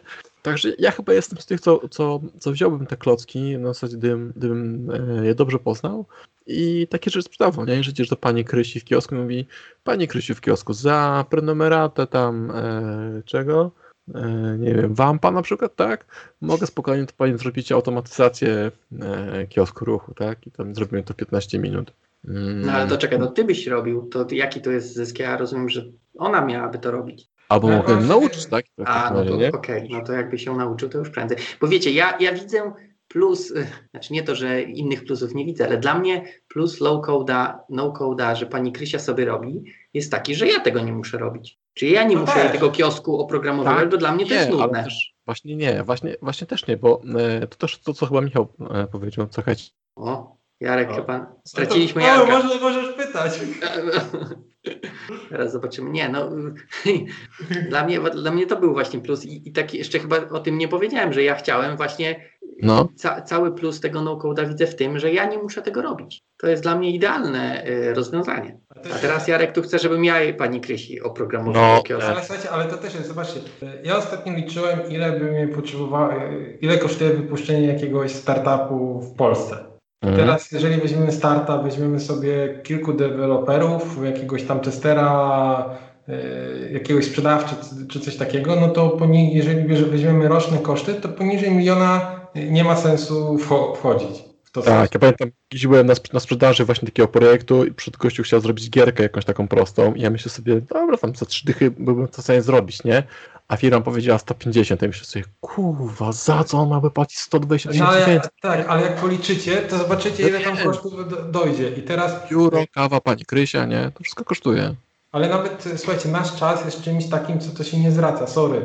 Yy, nawet nasza dzisiejsza rozmowa, ja tej godziny, dwóch yy, czytania książki, czegokolwiek nie odzyskam. dostaniemy fakturę. Nie, no, Notujesz, słuchajcie, no, ale nikt, dobrze, nie myśli. No, nikt nie myśli o tym, że jak ja bawię się na przykład wieczorem w C-Sharpem i piszę jakąś bibliotekę na GitHuba, to to jest moja zabawa, moja inwestycja czasu, którą gdzieś tam nie odzyskam. Teraz patrząc to... Co? To mówiliśmy chyba ostatnio. No więc y, generalnie my tego nie liczymy. Nawet jeżeli my byśmy mieli przestać na przykład pracować i robić startup przez rok i mamy akurat trzech, trzech devów, coś byśmy wykminili, to jest cały czas rok kasy, który, którą my jakbyśmy poszli do firmy jesteśmy w stanie zarobić. Teraz jeżeli Tak. w twórce low code'u ja ten rok jestem w stanie e, skrócić na przykład do trzech miesięcy. I niech ta aplikacja nie działa wydajnie. Niech ona działa w sposób, może nie jest taka zarąbista, nie jest dopieszczona, bo w low-codzie im chcemy szybciej budować, tym musimy budować z większej ilości gotowych komponentów. One mogą wyglądać bardzo e, kwadratowo, bardzo bootstrapowo, z drugiej strony dostarczamy wartość. Ale jeżeli ja przyspieszę to czterokrotnie, to ja w kwartał, No. zamiast wydawać milion, mam wydane ćwiartkę. Jeżeli ja jeszcze to szybciej skrócę, no to ja tą kasę na moją. Nie wiem, czy to jest innowacja, czy nie, bo czas- czasami innowacją może być zrobienie czegoś y, samego, tylko troszeczkę lepiej. I już jest y, fajniej. Ale ja mogę ten pomysł zweryfikować szybciej, nie czekając roku. I ja nie potrzebuję, y, nie potrzebuję miliona. To w ogóle Polska jest śmie- śmiesznym rynkiem, bo z jednej strony rok takiego developmentu to jest milion, to wydaje nam się, że kurczę, to jest dużo, ale z drugiej strony, jakbyśmy poszukali jakiegoś venture capital, który chciałby się nam dofinansować, no to wszyscy ludzie się chwalą, jak zdobędą bańkę. A ta bańka z drugiej strony, jak policzymy czas pracy zespołu programistów, no to to nie jest tak dużo. No kurczę. No tak, tak. Znaczy ja, ja to wszystko rozumiem i tak jak mówię, no dla mnie to jest plus, że ja bym nie musiał tych robić rzeczy, natomiast to wszystko widzę, tak, że jeżeli faktycznie bym chciał jakiś startup i chciałbym wypuścić coś szybciej, e, to jak najbardziej bym rozważał opcję tych low code'ów, no code'ów. E, No dlatego nie chcę, sensie w takich startupach, bo e, no, bo ma, mało interesujące widzę e, w tym. Chociaż no mówię, może ja za mało znam, bo dla mnie to jest tylko przeciąganie bloczków. Jeżeli tam faktycznie jest nie tylko przeciąganie bloczków, to może by jakaś tam wartość dla mnie była w tym wszystkim. Natomiast z punktu widzenia biznesowego, żeby wypuścić szybciej, jak najbardziej. To, Paweł, ale ja dobra, ja nie chcę was przekonywać, bo to jest dla mnie... Nie, nie, to- nauka. E, Natomiast ja zachęcam, weźcie, odpalcie OutSystems albo Monixa, to są te platformy low-codowe, które są najbliższe e, sercu programisty. I zobaczmy, i po prostu jak każdy ktoś chce zobaczyć, jak wygląda low code, to niech zobaczy, że tam po prostu my mamy te same problemy, co my mamy y, nasze programistyczne. To nie jest na takiej zasadzie, że my przyciągamy bloczek. Tam cały Okay. czas trzeba wyszukać coś na bazie danych, tam trzeba zrobić pętlę, tam trzeba e, zaprojektować e, te rzeczy. Tylko zamiast pisać na przykład for i przelatywać po tych rzeczach, przeciągam, po prostu ro, ro, robię element. Przyciągam e, bloczek for. Czekaj, bo Tak, Jarek ma no, jakieś no. problemy chyba. Jarek? Tak, tak, ja jestem. Aha, Słychać mnie? Myślałem, że nie Słychać. ciebie. Tak, ale Audacity poszło w piach. O, Na szczęście Skype chyba nagrywa, więc jakby coś, to ze Skype'a będę ratować, ale... Okej. To tyle. Musimy się umówić na za tydzień jeszcze raz. Tak, tak. M- Może nam się zmieni ten. Nie no, znaczy może się coś da z tego Skype'a faktycznie odzyskać. Yy, Ja tylko powiem, że ja i to na nie zamierzam przepisywać na low code. Już tak jest, tak jest, to zosta- zostanie na, na high code. Ym, tak. Ja bym powiedział, że teraz architekci powinni po prostu zobaczyć, czy to jest jakiś dodatkowy tool, który mogą wykorzystać do e, budowania wartości dla klientów. I po prostu być Okej. świadomi, że coś takiego istnieje i, i po prostu jeżeli widzą wartość, że to coś jest potrzebne i na przykład klient przyjdzie, słuchajcie, bo to też jest, też jest case, ten klient potrafił przyjść, że on musi mieć w 3, 3 tygodnie zrobioną aplikację, bo sprzedał e, jakiś produkt. Sorry, no i on mówi, że wtedy może No obiecywał, koszt- nie? no, no obiecywał, no ale kurde. I teraz ty się z tym. Yy, tego. No ale wiecie, jak to się robi? To się robi tak. Trzymam, dobra, trzyma się, dobra, niech to przetrwa trzy tygodnie, a potem, yy, a potem naprawimy. Przepiszę. No ale to też kurczę, to też jest, tak się, też się robi. No pytanie, wiesz, co, co kto chce osiągnąć. Nie, spoko. Ja, ja mówię, ja muszę te platformy, które wspomniałeś, zerknąć, bo yy, one wydają się faktycznie takie, co mógłbym nawet w miarę chętnie użyć, e, bo te, co do tej pory widziałem, to takie właśnie tylko przyciąganie tych bloczków, ale okej, to przynajmniej, Słuchajcie, przynajmniej się dowiedziałem, że jest coś więcej niż, niż przyciąganie bloczków. Tych platform kodowych jest masa i teraz y, czasami te platformy są budowane na podstawie istniejących systemów. Salesforce, Salesforce ma swoją, więc generalnie aplikacje jak, jakie na przykład jakie można zbudować w Salesforce, no to to jest tak jak Microsoftowe Power Appsy, rozszerzamy ten proces wokół czego zbudował Salesforce swój biznes. ServiceNow No. wychodzi na przykład z, z rozwiązań typowo y, takich wspomagania procesów, jakichś takich supportowych, więc on tą platformę low-codową zbudował w oparciu o, o te elementy. W Polsce mam nawet vendora, który robi platformę low-codową z, w Krako- z Krakowa. Webcon się na, firma nazywa i oni na Mhm. przykład automatyzują procesy biznesowe, więc to, co my zbudujemy przy pomocy platformy Webcon, to jest, jeżeli mamy na przykład jakąś aplikację do zbudowania, na przykład do akceptacji faktur, do akceptacji urlopów, czegoś, co mamy typowy workflow do zbudowania, no to to jest e, super rozwiązanie. Ale z drugiej strony, jeżeli patrzymy, że chcielibyśmy zbudować tutaj aplikację klasyczną, to nie tędy droga. Mhm. Z drugiej strony, patrząc na przykład jako konkurencję, podejście klasyczne, e, nie wiem, czy budowaliście aplikacje workflow, workflowowe kiedykolwiek. Chyba nie, znaczy chociaż nie, w jednym tam było, ale akurat chyba był już gotowy ten. ten Już, miałem go, już, już, już, był, ma, już ktoś inny się męczył z tym. Tak, już ktoś inny się męczył. I teraz możemy zbudować tę maszynę stanów i to z reguły wygląda tak, nasz proces będzie prostoliniowy i nie ma odwrotu. I, I tam jedno prawo jest potrzebne. Ja pamiętam, jak nawet przychodząc do Objectivity, właśnie do tool do zarządzania wydatkami, miała być linia prosta w tym workflow. Po prostu krok, krok, krok, nagle się zrobił pająk. No i teraz Mhm. pytanie jest tak, mamy, możemy wziąć platformę kodową, spoko. Jak nie, to będąc bliski sercu dotneta, no to weźmy sobie, napiszmy tę tą maszynę stanu. Przecież to jest proste do zrobienia. No, fajna zabawa nawet, żeby to działało optymalnie ale możemy do dotneta też dołożyć na przykład Kamundę, która e, specjalizuje się w, w obsłudze procesów i po prostu wywoływać e, bibliotekę, któ- która da- daje tą funkcjonalność, którą już ktoś inny wymyślił, przetestował. I to też jest po części low-code. Po części. Teraz wyjdzie, że praktycznie wszystko jest low-code. No, no właśnie, tak miałem mówić, że zaraz wyjdzie, że. Wiesz, Tak jak wszystko jest skrótem. Tak, że... Ale tak tylko jeszcze, y, bo wszedłem sobie tutaj na ten OutSystems. y, No pricing mnie zaskoczył, muszę powiedzieć. Oni są drodzy. Okej. Okej, czyli to jest tak jakby, jeżeli oni są drodzy, to w innych będę miał taniej. Tak, OutSystems targetuje e, OutSystems targetuje w ogóle na bardzo dużego klienta enterprise, Okej. gdzie u nich na dzień dobry dostajemy nielimitowaną ilość aplikacji. Tam nie ma w ogóle dyskusji o to. No tak, e, jest faktycznie. O, o, o, o to po prostu jak jest. Natomiast OutSystem jest fajny dla osób, które wchodzą z .NETA. To, bo on w ogóle jest zbudowany na .NETie. Ten kod, który modelujemy jest kompilowany do C Sharpa, e, do, do ASP.NETA niestety. E, albo stety i to, to co Jarek pytał się wcześniej, co jeżeli byśmy chcieli opuścić platformę, to w OutSystem mm. normalnie wyeksportować sobie aplikację i wrzucić ją do Visual Studio i ją skompilować. Kod wygląda Ale... tak, że Nikt nie no. chciałby tam zaglądać. No. Nikt nie chciałby tego modyfikować potem, ale się da. Ale, ale mamy kod. Opuskowany jest, tak? Nie, nie jest opuskowany. Jest y, wszystko spoko, wiesz, czytelne ten, tylko po prostu jest wygenerowany, no po prostu... Hmm. Automatem. No, automatem. Czytelność... Automatyczna obfuskacja. Tak, czytelność jest straszna, ale no to jak każdy kod genero, generowany. Z drugiej strony mamy możliwość, słuchajcie, wychodzimy z platformy, mamy kod, który możemy modyfikować, boli strasznie, ale mamy ten czas, że, który my kupujemy, żeby po prostu można było sobie zrobić do czegoś innego tą transformację. No, ale Paweł, jakbyś chciał, na przykład Mendix y, dwa miesiące temu ogłosił program dla startupów, Mhm. Oni są tańsi, y, ale też to, co jest y, ciekawe w tych platformach kodowych, na stronach tym praktycznie bardzo ciężko znaleźć cennik taki, który jest jasny.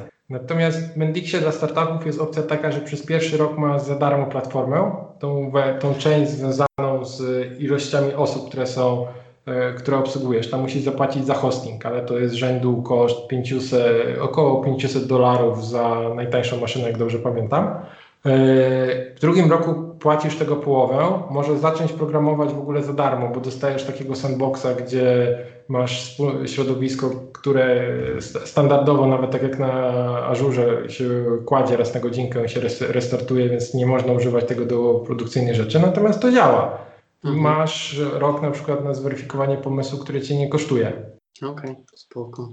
No widzę, jest troszeczkę tańszy faktycznie. Jak połowę. będziesz na przykład na webcona, to nie jest jeszcze tańszy. Ale w webconie, w webconie nie zrobisz tego wszystkiego, co zrobisz w Mendixie albo OutSystems. Tam super sobie zoptymalizujesz, napiszesz e, procesy biznesowe, jeżeli masz Czekaj, jakieś... To jest jakiś polski, tak? No to mówię, że z Krakowa. A, sorry, to nie załapałem. Okej. Okay. Ale oni tutaj jako, przynajmniej reklamują się jako elektroniczny obiekt dokumentu, aha, i aplikacje biznesowe, dobra, okej. Okay. No, dlatego wiesz, proces. Webconie jest mm -hmm. proces. W okay, OutSystems okay. w Mendixie masz aplikację do zrobienia. I teraz to też właśnie jest to, co w zależności patrzysz, do czego ten low-code ci nadaje. Mhm, mhm. Aplikacje bez kodowania. Okej, okay, no muszę sobie popatrzeć, bo może faktycznie to. Jest na Węgrzech y, Applan bodajże. Nie wiem, czy pamiętacie taki twór ze starych światów y, .NET Nuke. No, no był. No. był. A to już nie ma, tak? Nie, no jest właśnie. A, okej. Okay chłopaki z, Węgier zro, zrobili platformę low-codową, obudowują .NET Nuke'a w ogóle. Okay. A ten .NET Nuke to, to właśnie jakaś platforma do, do blogu, czy coś takiego? Tak, to był taki CMS. CMS. Mhm. Ale taki, taki jak jeszcze chyba był .NET 1.1 z takich starych. No jakiś taki stary, tak, to mm. był jakieś te mm. czasy. Tak ja pamiętam, można było sobie go gdzieś tam deploynąć z różnych tam, nie wiem, czy nawet tym web platform installer nie był dostępny, że mm. wiesz, tam sobie klikasz i on ci instaluje takie... Wtedy, wtedy hosting z Windowsem, bo jak, jak się posiadało, to człowiek był szczęśliwy. Tak, tak, tak. To, to, nie te czasy, co teraz. No spoko. Nie no, okej, okay, ja znaczy wiem, że nie, przekony, nie chciałeś przekonywać, ale no trochę się bardziej przekonałem, że może faktycznie to nie jest takie ograniczone, jak mi się wydawało. Jak ze skramem, co? Tak jest. E, no ale wiesz, Jarek, to ja się cieszę, jak mogę się dowiedzieć czegoś nowego, nie? Nie tylko ciebie mhm. słuchać, od ciebie się nic nie dowiaduje. To... Nic, nic, zupełnie nic. Tak, więc to jest tylko na plus, że człowiek się czegoś nowego dowiedział. E, no, spoko. To mam tutaj sobie pootwierałem, będę. No ceny, no mówię, no takie. No. no to nie jest, słuchajcie. Ale są wersje free. Każda ma chyba jakąś wersję free, więc y, też. Wersję nie jest...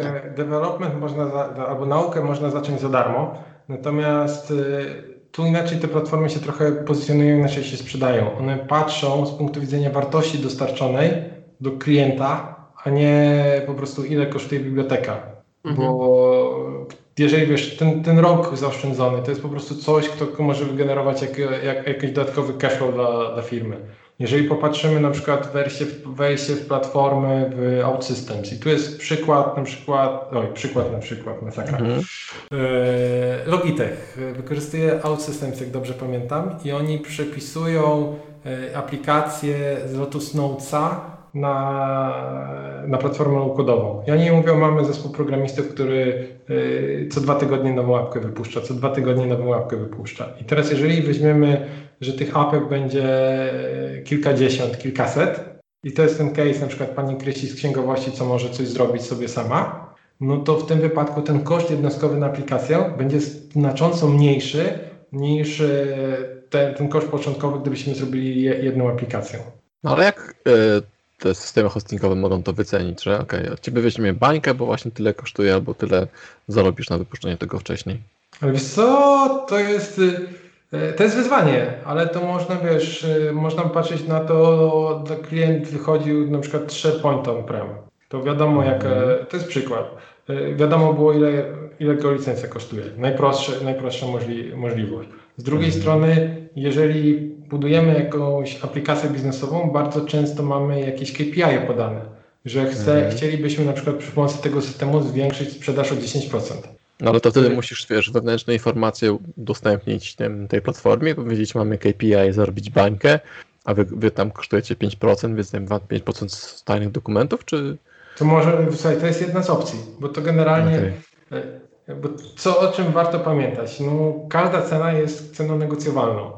Tak. Teraz, no. jeżeli mamy nawet dosyć wysoki próg, który pojawia się na stronach, ten wysoki próg jest dla, z, naszej, z naszej perspektywy. Tak. Bo ja jestem przyzwyczajony, że biorę narzędzia open source'owe, które kosztuje zero mhm. Y, i które też dużo potrafi. Y, mhm.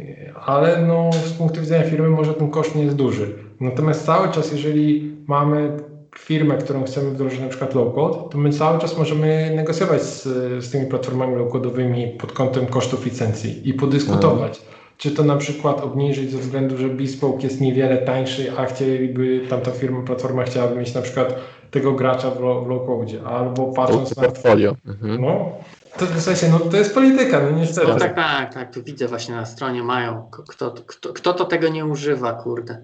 Słuchajcie, ja tu mam, ja, ja staram się śledzić mądrych tego świata, ty, typu Gartnery, Forestery, e, technologii radary, bo tych platform kodów jest dużo. Na te hmm. raporty uważajmy, bo czasem w tych raportach są błędy i nawet są na takiej zasadzie, że opisują niby, że na przykład wersja platformy X, a widać, że z opisu jest Y jak to mhm. ktoś, ktoś, ktoś, na, ktoś jest ba, bardziej, bardziej dokładny. Znamy. Mhm. Y, więc, y, ale oni twierdzą, Gartner mówi 50% dużych aplikacji, du, dużych y, firm typu Enterprise będzie miało e, low-code do 2023 roku.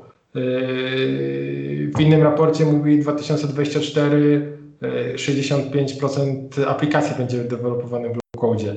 Mhm z jednej strony prognozy mega optymistyczne, z drugiej strony one zostały już przesunięte o dwa lata, bo okay. trzy, lata te, trzy lata temu, jak ja zacząłem zajmować się low-codem, to ten target był 2022. E, mhm. Teraz mamy 2024, aczkolwiek to, co się zmieniło na przestrzeni tych trzech ostatnich lat, to jest tak jak, e, ja się czasem ściemię trochę Azure wyglądał tak 10 lat temu, że jak e, mhm. rozmawiałeś z kimś o chmurze, no to to była ciekawostka i trzy tak. lata temu o low-codzie mało kto wiedział, że w ogóle coś takiego jest. A w tym roku yy, wręcz ludzie się pytają, co my możemy powiedzieć o tym low-codzie. Podcasty nagrywają o tym w ogóle. No w ogóle. No, właśnie, no, no.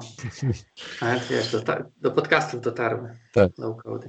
Ale właśnie, no, tych zapotrzebowania na aplikacje jest masa. Yy, zapotrzebowanie na deweloperów też, też jest dużo. Natomiast my jako ludzie nie jesteśmy w stanie wykształcić takiej ilości tak. deweloperów, żeby ten po, popyt y, zapewnić. Więc jeżeli nie jesteśmy w stanie wyhodować deweloperów w tą stronę, no to spróbujmy podziałać coś w innym kierunku.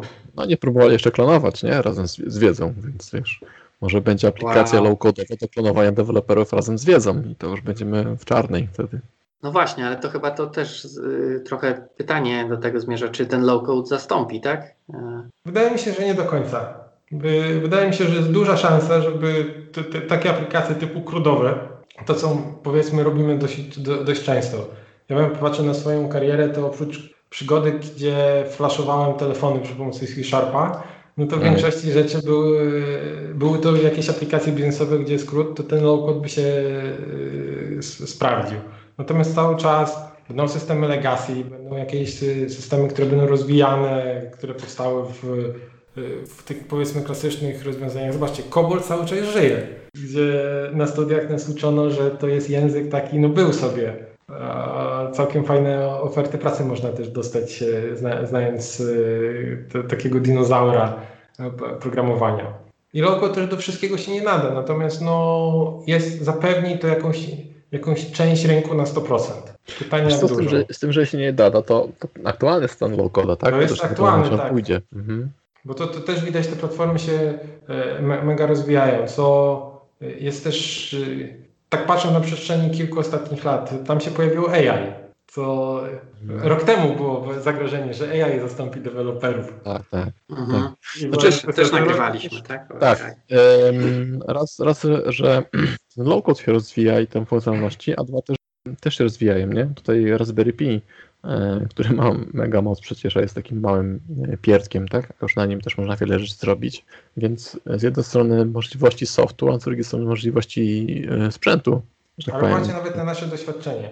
Ja 10 lat temu, pisząc coś w dotnecie, ja optymalizowałem rzeczy, bo te komputery, jak były jakieś prze, przeliczenia, to były na tyle wolne, że opłacało się tą Tak. optymalizację dopieścić kod, żeby on był super. Jak Mhm. robiąc na centrale, e, tam cały czas są systemy takie, że wrzucamy na jakiś hardware, gdzie ogranicza nasz pamięć, ogranicza nasz procesor, ogranicza nas coś takiego. Natomiast teraz patrząc komórkę, którą my mamy, ta komórka kurczę ma taką moc obliczeniową, że czasami niektóre komórki potrafią być e, mocniejsze niż e, la- laptopy, które ludzie w domach ko- ko- korzystają. Pytanie się pojawia, jak bardzo my musimy to optymalizować, kto w ogóle zwraca uwagę, e, jak patrząc na przykład robiąc code review, gdzie e, pracując z innymi osobami, ten, ta wydajność już nie jest tak jakby na, na, na naszym pierwszym miejscu, e, że- żeby to, to było spełnione. My potrafimy napisać kod, który wygląda całkiem fajnie, super rozszerzalny, ale działa wolniej dzięki temu, że mamy komputer, który jest odpowiednio szybszy, który nam y, pozwoli po prostu ukryć tą iluzję nie do końca do dobrego kodu, który jest tam gdzieś pod maską. Mhm. Ja pamiętam, miałem maszynę, która ma 2 giga RAMu i to było kiedyś dużo. No, Teraz stary laptop mojej żony ma chyba 8 i to jest mało, nie? To jest stary laptop. Tak, stary laptop. E, No właśnie, więc ja też ja trochę oldschoolowcem jestem, bo stoi u mnie stacjonarka, ale kiedyś y, O nie, ja powiem ci, ja, ja na przykład mam teraz lapsa i nie chcę mieć laptopa. Nie chcę pracować na laptopie, bo to po prostu aktualnie laptopy są, nie wiem, są, wyglądają ładnie, natomiast są, no, nie są przemyślane pod względem funkcjonalnym dla prawdziwych inżynierów, tak? I, I śmieszne na przykład to, że to jak gadałem z gościem z, z IT i mówię, że coś, coś tam się zepsuło, on mówi, yy, no, że mają takie przypadki, że wyjmują laptop, wyjmują laptop z pudełek i od razu zwracają na, na serwis, nie? bo przychodzą zepsute. Więc ja osobiście laptop, ok, biznesowo może fajnie wygląda, ale do takiej pracy yy, ciężkiej to się, to, to nie, na, nadal nie uznaję. No Ciężko tak, a ty tym laptopem, kurde, węgiel kopiesz? Tak, tak, przybijam gwoździe laptopem zamiast młotkiem. Ym, tak, Bo tak, więc chciałem powiedzieć, żebyście wiedzieli. Ja tam nie jestem prawdziwym. czyli na laptopie. To pewnie na Macu. Nie. Mac robi Lenovo. za podkładkę. Mac teraz bajki wyświetla. Okej. Wiesz, teraz Maki to w ogóle trudno kupić. Czemu? No bo ja ostatnio jak przymierzałem się do wymiany jakiegoś tableta, no to jak No. rozważałem iPada, to iPada e, e, w trakcie dostawy, ale kiedy nie wiem. A, okej, okej, okej. Rozumiem. E, no dobrze, to ja muszę zrobić jeszcze to, co opowiedziałem. Więc e, ojcowie chrzestni tego odcinka to Michał Franc, Michał Kuliński, Łukasz Kurzyniec, Adrian Wolarczyk i rzutem na taśmę Konrad Kokosa. I zostało nam jeszcze kilkanaście minut, więc Paweł idzie w czytanie teraz, odświeża swoją umiejętność czytania. To może coś jeszcze z komentarzy, czego nie poruszyliśmy. E, no dobra, to co, po kolei chyba, tak? Będziemy... Tak, tak. Dobra, no to od Michała tutaj zacznę. Michał pisze tak, nowy hype widzę. Sprawdziłem ostatnio przykłady tego no-code, low-code i pojawił się Salesforce. Jak ma, jak to ma być ten low-code, no-code, to nie martwię się o swoją przyszłość. Podejrzewam, że to może zastąpić część aplikacji produkowanych metodą taśmową. nie wiem, e, że Salesforce jakiś też ma low-code'a, tak? Tak, ale to, jest, to trochę mówiliśmy o tym, że po prostu rozszerzenie platformy Salesforce'owej. No, ale to ja bardziej tego... rozumiem będzie ten, e, czekaj, który to będzie, e, low-code czy, czy no-code? Wiesz co, ja, ja powiem tak, ja na Salesforce'a patrzyłem, natomiast patrzyłem to dwa lata temu, Natomiast no to pozwala, oni się chwala, chwalą, żeby, że apki można budować. Natomiast ciężko mi powiedzieć, co można, bo nie otwierałem mhm. tego. To czasami niektóre platformy mają też e, wyzwanie, żeby, żeby, żeby wejść. Na takiej zasadzie, żeby dostać się do środka, to trzeba przebrnąć przez ileś salesów.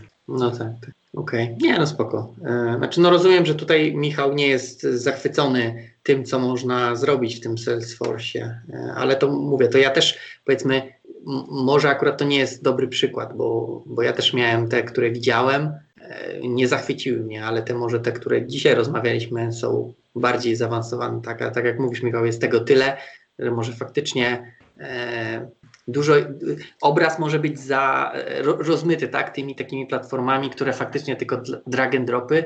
E, tak, ja, ja, ja skróluję Gartnera, chcę zobaczyć ile, czy oni podają, ile oni platform w ogóle mieli, bo ja gdzieś pamiętam, że w tamtym roku oni się chwalili chyba ponad 150 platform, które oni przyjrzeli. Ojej, to ja no. widziałem tam chyba jakieś listę 15 i już mówiłem, Boże, ile tego jest. Bo oni hmm. wybierają to najciekawsze, ale jak... A, jest jeszcze więcej. No. Tak, jak chcecie, jak weźmiecie, jak weźmiecie Gartnera, to, na ty, to oprócz opisu tych platform, które są i e, sposobów, kry, kryteriów, jak one się znajdują, i czasami tu też trzeba na to uważać, bo kryteria potrafią być takie jak ilość na przykład klientów. I teraz jeżeli e, platforma jest Microsoft, to nie patrzę ile klientów Microsoft, a nie ilość klientów Power no. No, tak, no, tak. Więc mhm. to automatycznie idzie do góry. I to tak fajnie wyglądało, tylko nie pamiętam czy w Gartnerze, czy Foresterze, że e, platforma typu Mendix Outsystems dostawała dużo punktów za innowacyjność, co można zbudować tam, bo ma większe możliwości niż Power Appsy. Natomiast dostawała po uszach za ilość klientów, które ma w porównaniu do Microsofta. I, ale taka musi... faktycznie kreatywna, e, kreatywne podejście do, do, do, do platform. Do, do chciałem, tak, tak. chciałem do aktualnej sytuacji po prostu to odnieść. To nie wiem, czy to jest. W, osta w, osta w ostatnim Gartnerze się 18 są porówna porównanych tych platform, jest to oni się, okay. się chwalą. Natomiast tam jest e, prawie 200. Już ja nie liczę tych w ogóle, co mówią, typu wiesz, e, rozszerzenie do Angulara albo jakieś takie. No ja, ja, ja bym tego nie liczył. To jest dla mnie w ogóle jakieś dziwne. To jest chyba takie po prostu, że jest hype, to chcemy, ok, powiedzmy, że my też to mamy, żeby się załapać na, na hype'a. Może ktoś wyszuka i akurat nas znajdzie. Okej, okay, e, dobra. E, Michał Kuliński. My, programiści, zajmujemy się szczegółami. Na tym polega nasza praca, za to nam płacą. Klienci nam mówią, o co im chodzi ogólnie, a my, programiści, zajmujemy się detalami. Do opisu szczegółów najlepiej nadaje się kod, więc idea low code, no code brzmi w moich uszach groteskowo.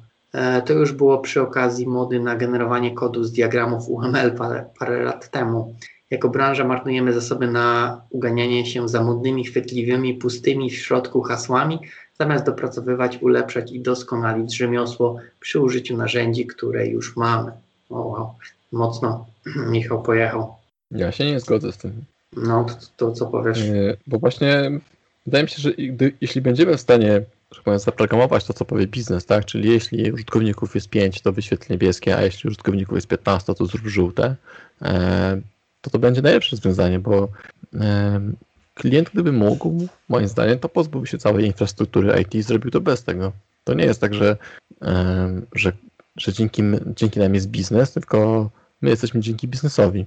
W sensie my jako IT, tak? Jeśli oni mogą sobie to uprościć i powiedzieć, e, to znowu przy, przy, przy, przy, przy, przyciągnę Michała, bo to on tak powiedział gdzieś u siebie, że jak on rozwiązuje problemy i może w 5 minut zrobić prototyp działający i klient się zdziwi, to to jest ta wartość, tak? A to, że my jesteśmy jeszcze na tyle prymitywni, że musimy E, tymi językami dotnetowymi, czy tam Java, czy nawet Assembler, musimy się dużo narobić, żeby po prostu myśl przesłać, tak, że tutaj są takie warunki, coś i coś, tak, a low codem po prostu będzie, ok, tu jest warunek, tu jest warunek, tu płynie jakiś tam kod, tu jest biznes, tu jest moje konto, sprzedaję pieniądze, tak, i w 5 minut mamy gotowy e, rodzenie biznesu, to to właśnie będzie to, na czym zależy biznesowi. Natomiast dla nas fajnie, to jest takie trochę majsterkowanie, tak?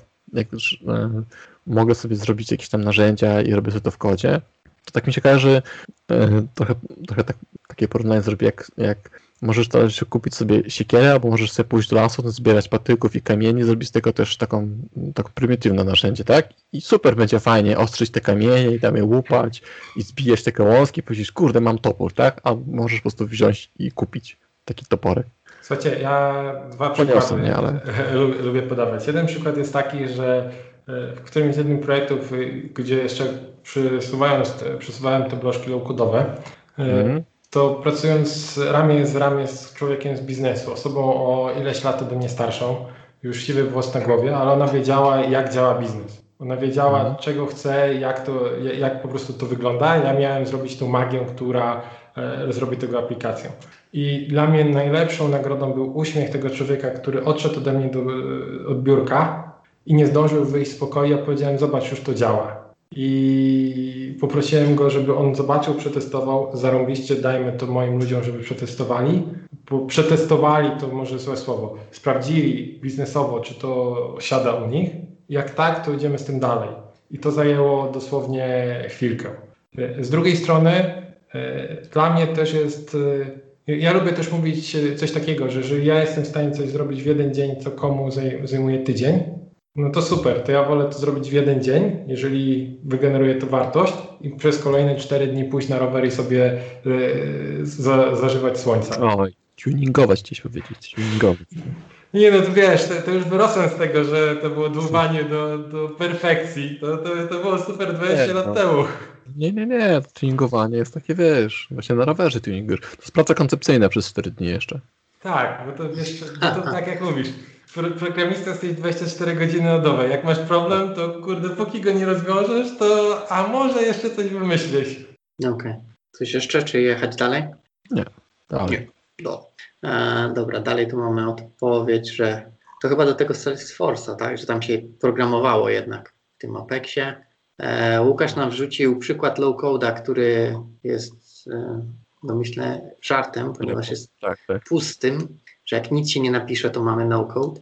Hmm. E, dobra, i Michał, Michał pisze tak. E, jak dla mnie no-code, low-code e, będzie miało wartość i sprzeda się mocno, zastąpi dużą część kopiuj wklej aplikacji i procesów i to też będzie programowanie. Tylko nie martwię się o swoją przyszłość, bo nie wierzę, że przejmie to aplikacje bardziej skomplikowane, wymagające kustomizacji. Widziałem już takie hybrydy Salesforce plus kustomizacja właśnie w Apexie. Ma to prawo działać do pewnego stopnia złożoności, ale później wychodzi poza granice bezpieczeństwa i zaczyna się piekiełko, bo taka platforma low-code ogranicza możliwości rozwoju, a Twoja aplikacja wymaga złożoności dodatkowej. Koniec końców paradoksalnie low-code, które miało ułatwić, powoduje wzrost kosztów i ogranicza. Dużo mobilnych apek spokojnie będzie można zastąpić takim klikaniem. Tak samo strony wizytówki, ale ten rynek chyba już został przejęty przez generatory. No.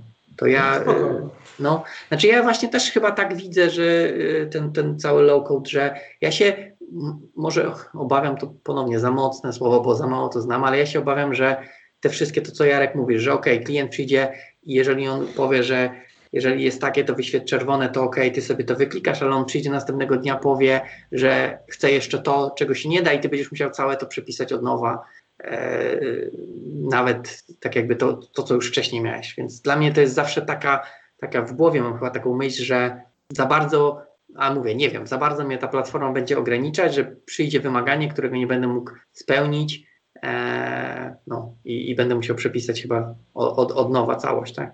Ale słuchaj, a czy nie ma takiego ograniczenia w klasycznym programowaniu? Jeżeli jest, zrobisz... natomiast jest dużo mniejsze, nie? No, jest dużo mniejsze. No, dlatego mówię, dlatego też nie zgadzałem się z tym, że, że, że assembler, yy, powiedzmy, przeszliśmy i to też jest wyższy poziom do C-Sharpa, natomiast nadal ten C-Sharp pozwala dużo więcej niż moje wyobrażenie, co pozwalają te platformy. Natomiast mówię, ja ich nie znam na tyle, żeby teraz y, nie mieć wątpliwości, że może jednak pozwalają na całkiem sporo. Słuchajcie, my całe życie będziemy zarządzać ryzykiem. Jakby na to nie patrzeć, programowanie czy tam budowanie architektury to jest zarządzanie ryzykiem. Ja jak zaczynałem, to zawsze bałem się estymacji i jakiejś skrzynki metalowej z serwera, jaki duży kupić, bo generalnie to jak kupo, kupiło się za mały i nie było miejsca na sloty rozszerzeń, no to ta maszyna szukało się działu, który ją weźmie. I Mm. uśmiechało się do przełożonego, żeby mocno za uszach nie, po uszach nie dostać, bo to kosztowało strasznie dużo kasy. Y, Tak. I, I to było inne ryzyko. Teraz. Hmm? Tak, mam taką okazję świetną. No, Tak. Teraz Serwer. mamy Azura, gdzie po prostu jeżeli się pomylimy, to przesuwamy bajkę trochę w prawo i przypiemy głowę popiołem, słuchaj, no będzie to kosztowało 10% więcej, ale to nie jest tak, że my waliliśmy e, cały serwer do kosza, tak jak wcześniej. No tak. E, Z low-codem jest tak samo. No, mówimy, zarządzamy ryzykiem. Na tą chwilę, patrząc na te wymagania, wydaje nam się, że to będzie fair enough. Może się okazać, że coś jest za mało. I też robiliśmy takie rzeczy, że robiliśmy kustomizację w kodzie klasyczną. Robiliśmy e, też, e, o, z takich dzi- dziwnych rzeczy. E, Cały system stał na Mendixie i dorabialiśmy PWA w, re, w Reakcie, żeby, bo klient sobie zażyczył, że chce mieć offline na Surface'ach. Okej. I da się. I da się, no, to, to jest Okej, po prostu okej. No zabawa, zabawa z architekturą. Ja, ja mówię, moja pewnie e, e, brak wiedzy powoduje niechęć, może niechęć też nie, ale rezerwę do tych platform. No, No i słusznie, bo to trzeba, wiesz, y, podcho- ja, ostatnio jestem me, mega optymistyczny, ale to, z, to staram się patrzeć przez różowe okulary, zachowując pewnego rodzaju racjonalizm Mhm. e, w duchu. Natomiast patrząc z doświadczenia, ile różnych problemów gdzieś tam na mojej ścieżce kariery się pojawiło, to zawsze problem, który urastał e, do czegoś olbrzymiego, że była przepaść nie do przejścia, dzieląc na odpowiednie mniejsze problemy, udawało się zaadresować w jakiś sposób. Więc wydaje mi się, że to jest po prostu nauka dla nas, że my całe życie zarządzamy ryzykiem, odpowiednio dzieląc to ryzyko, planując, jesteśmy w stanie e, to zaadresować. Okej. Trochę Okej. jak Fo- Fox Mulder. Teraz no one. Aha. E, Ja tylko mówię, że mamy 10 minut i ja mam później spotkanie, które muszę dołączyć. No dobrze, to, to co? No to czytam. To musisz szybciej E, czytać. Szybciej Ja muszę mniej mówić.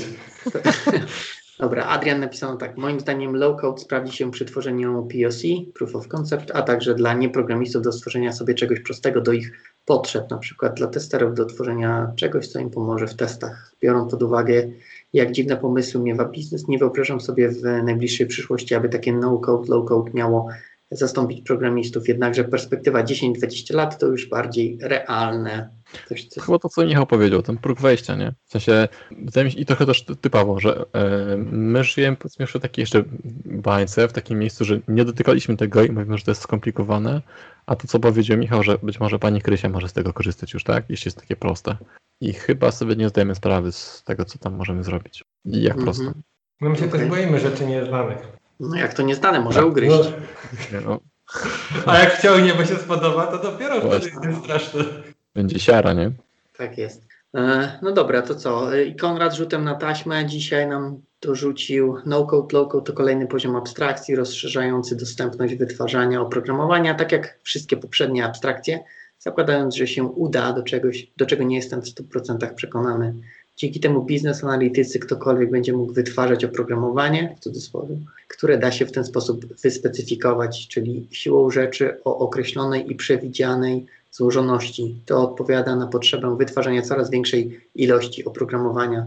Czy to znaczy, że programiści nie będą potrzebni? Oczywiście nie. Tak jak nadal są potrzebni programiści na poziomie hardware'u, AS, C, C++ i tak dalej, tak e, mniej niż kiedyś, ale właśnie przez ten nieprzerwany popyt na software, na każdego byłego programistę ASMA, potrzeba pewnie z pięciu normalnych. Normalnie. Normalnie, ja, ja, ja słowa, bo czasem, wiesz, jak rozmawiam z klientami, to tak klasyczne wytwarzanie oprogramowania to w głowie, żeby Normalnie. normalnie nie... Tak. Ale to jest Normalnie. fajne podsumowanie w ogóle, tak. No tak. E, I tu jeszcze ostatni paragraf. Prawdziwym e, załamaniem rynku programistów i tej pędzącej inflacji software'u może być powstanie prawdziwej AI, jak dyskutowaliśmy w 52. Przyszłość w IT, ale to e, załamie znacznie więcej niż tylko sektor IT. Wow, okej, to tak. Ale wiedzieliście, jak to jest, GPT-3? Jak to się nazywa? E, no ja, znaczy nie widziałem, natomiast widziałem możliwości, tak? W sensie No, jest, po- jest taki filmik, tak, prezentujący. Że co? No To co ja potrafi ta sztuczna inteligencja. Jak, tak? Popatrzycie sobie nawet na. Bo ja tego nie bawiłem się w implementacji, aczkolwiek ostatnio ze sztuczną inteligencją testowałem nagrywanie podcastów. Zarąbista rzecz. Już, już jest ta, na takiej zasadzie, że wrzucamy tekst. i- sztuczną- inteligencją, no. No to tak, z interfejsem białkowym. Natomiast jak patrzycie GPT-3, y, to patrzę jak tam na przykład ktoś opisuje aplikację, która ma zostać zbudowana i on tworzy normalnie kod w Reakcie czy tam w Angularze. Ja widziałem apkę mobilną, jakąś to-do listę, gdzie po prostu jest szacun. No okej. Dobra, popatrzę. No popatrzę. Ja ci też podeślę ten filmik. No, no, no. O, Okej. coś komputer.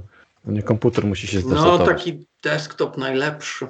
Ale to jest laptop, czym Na pracuję. laptopie A. chyba nie słyszysz. No, No, wszystko No to chyba zawsze nagrywasz na desktopie, a dzisiaj musiałeś Ale na... nie mam go, sprzedałem. Pozbyłem się blachy. Mówiłem, że się A, pozmieniało w życiu, no.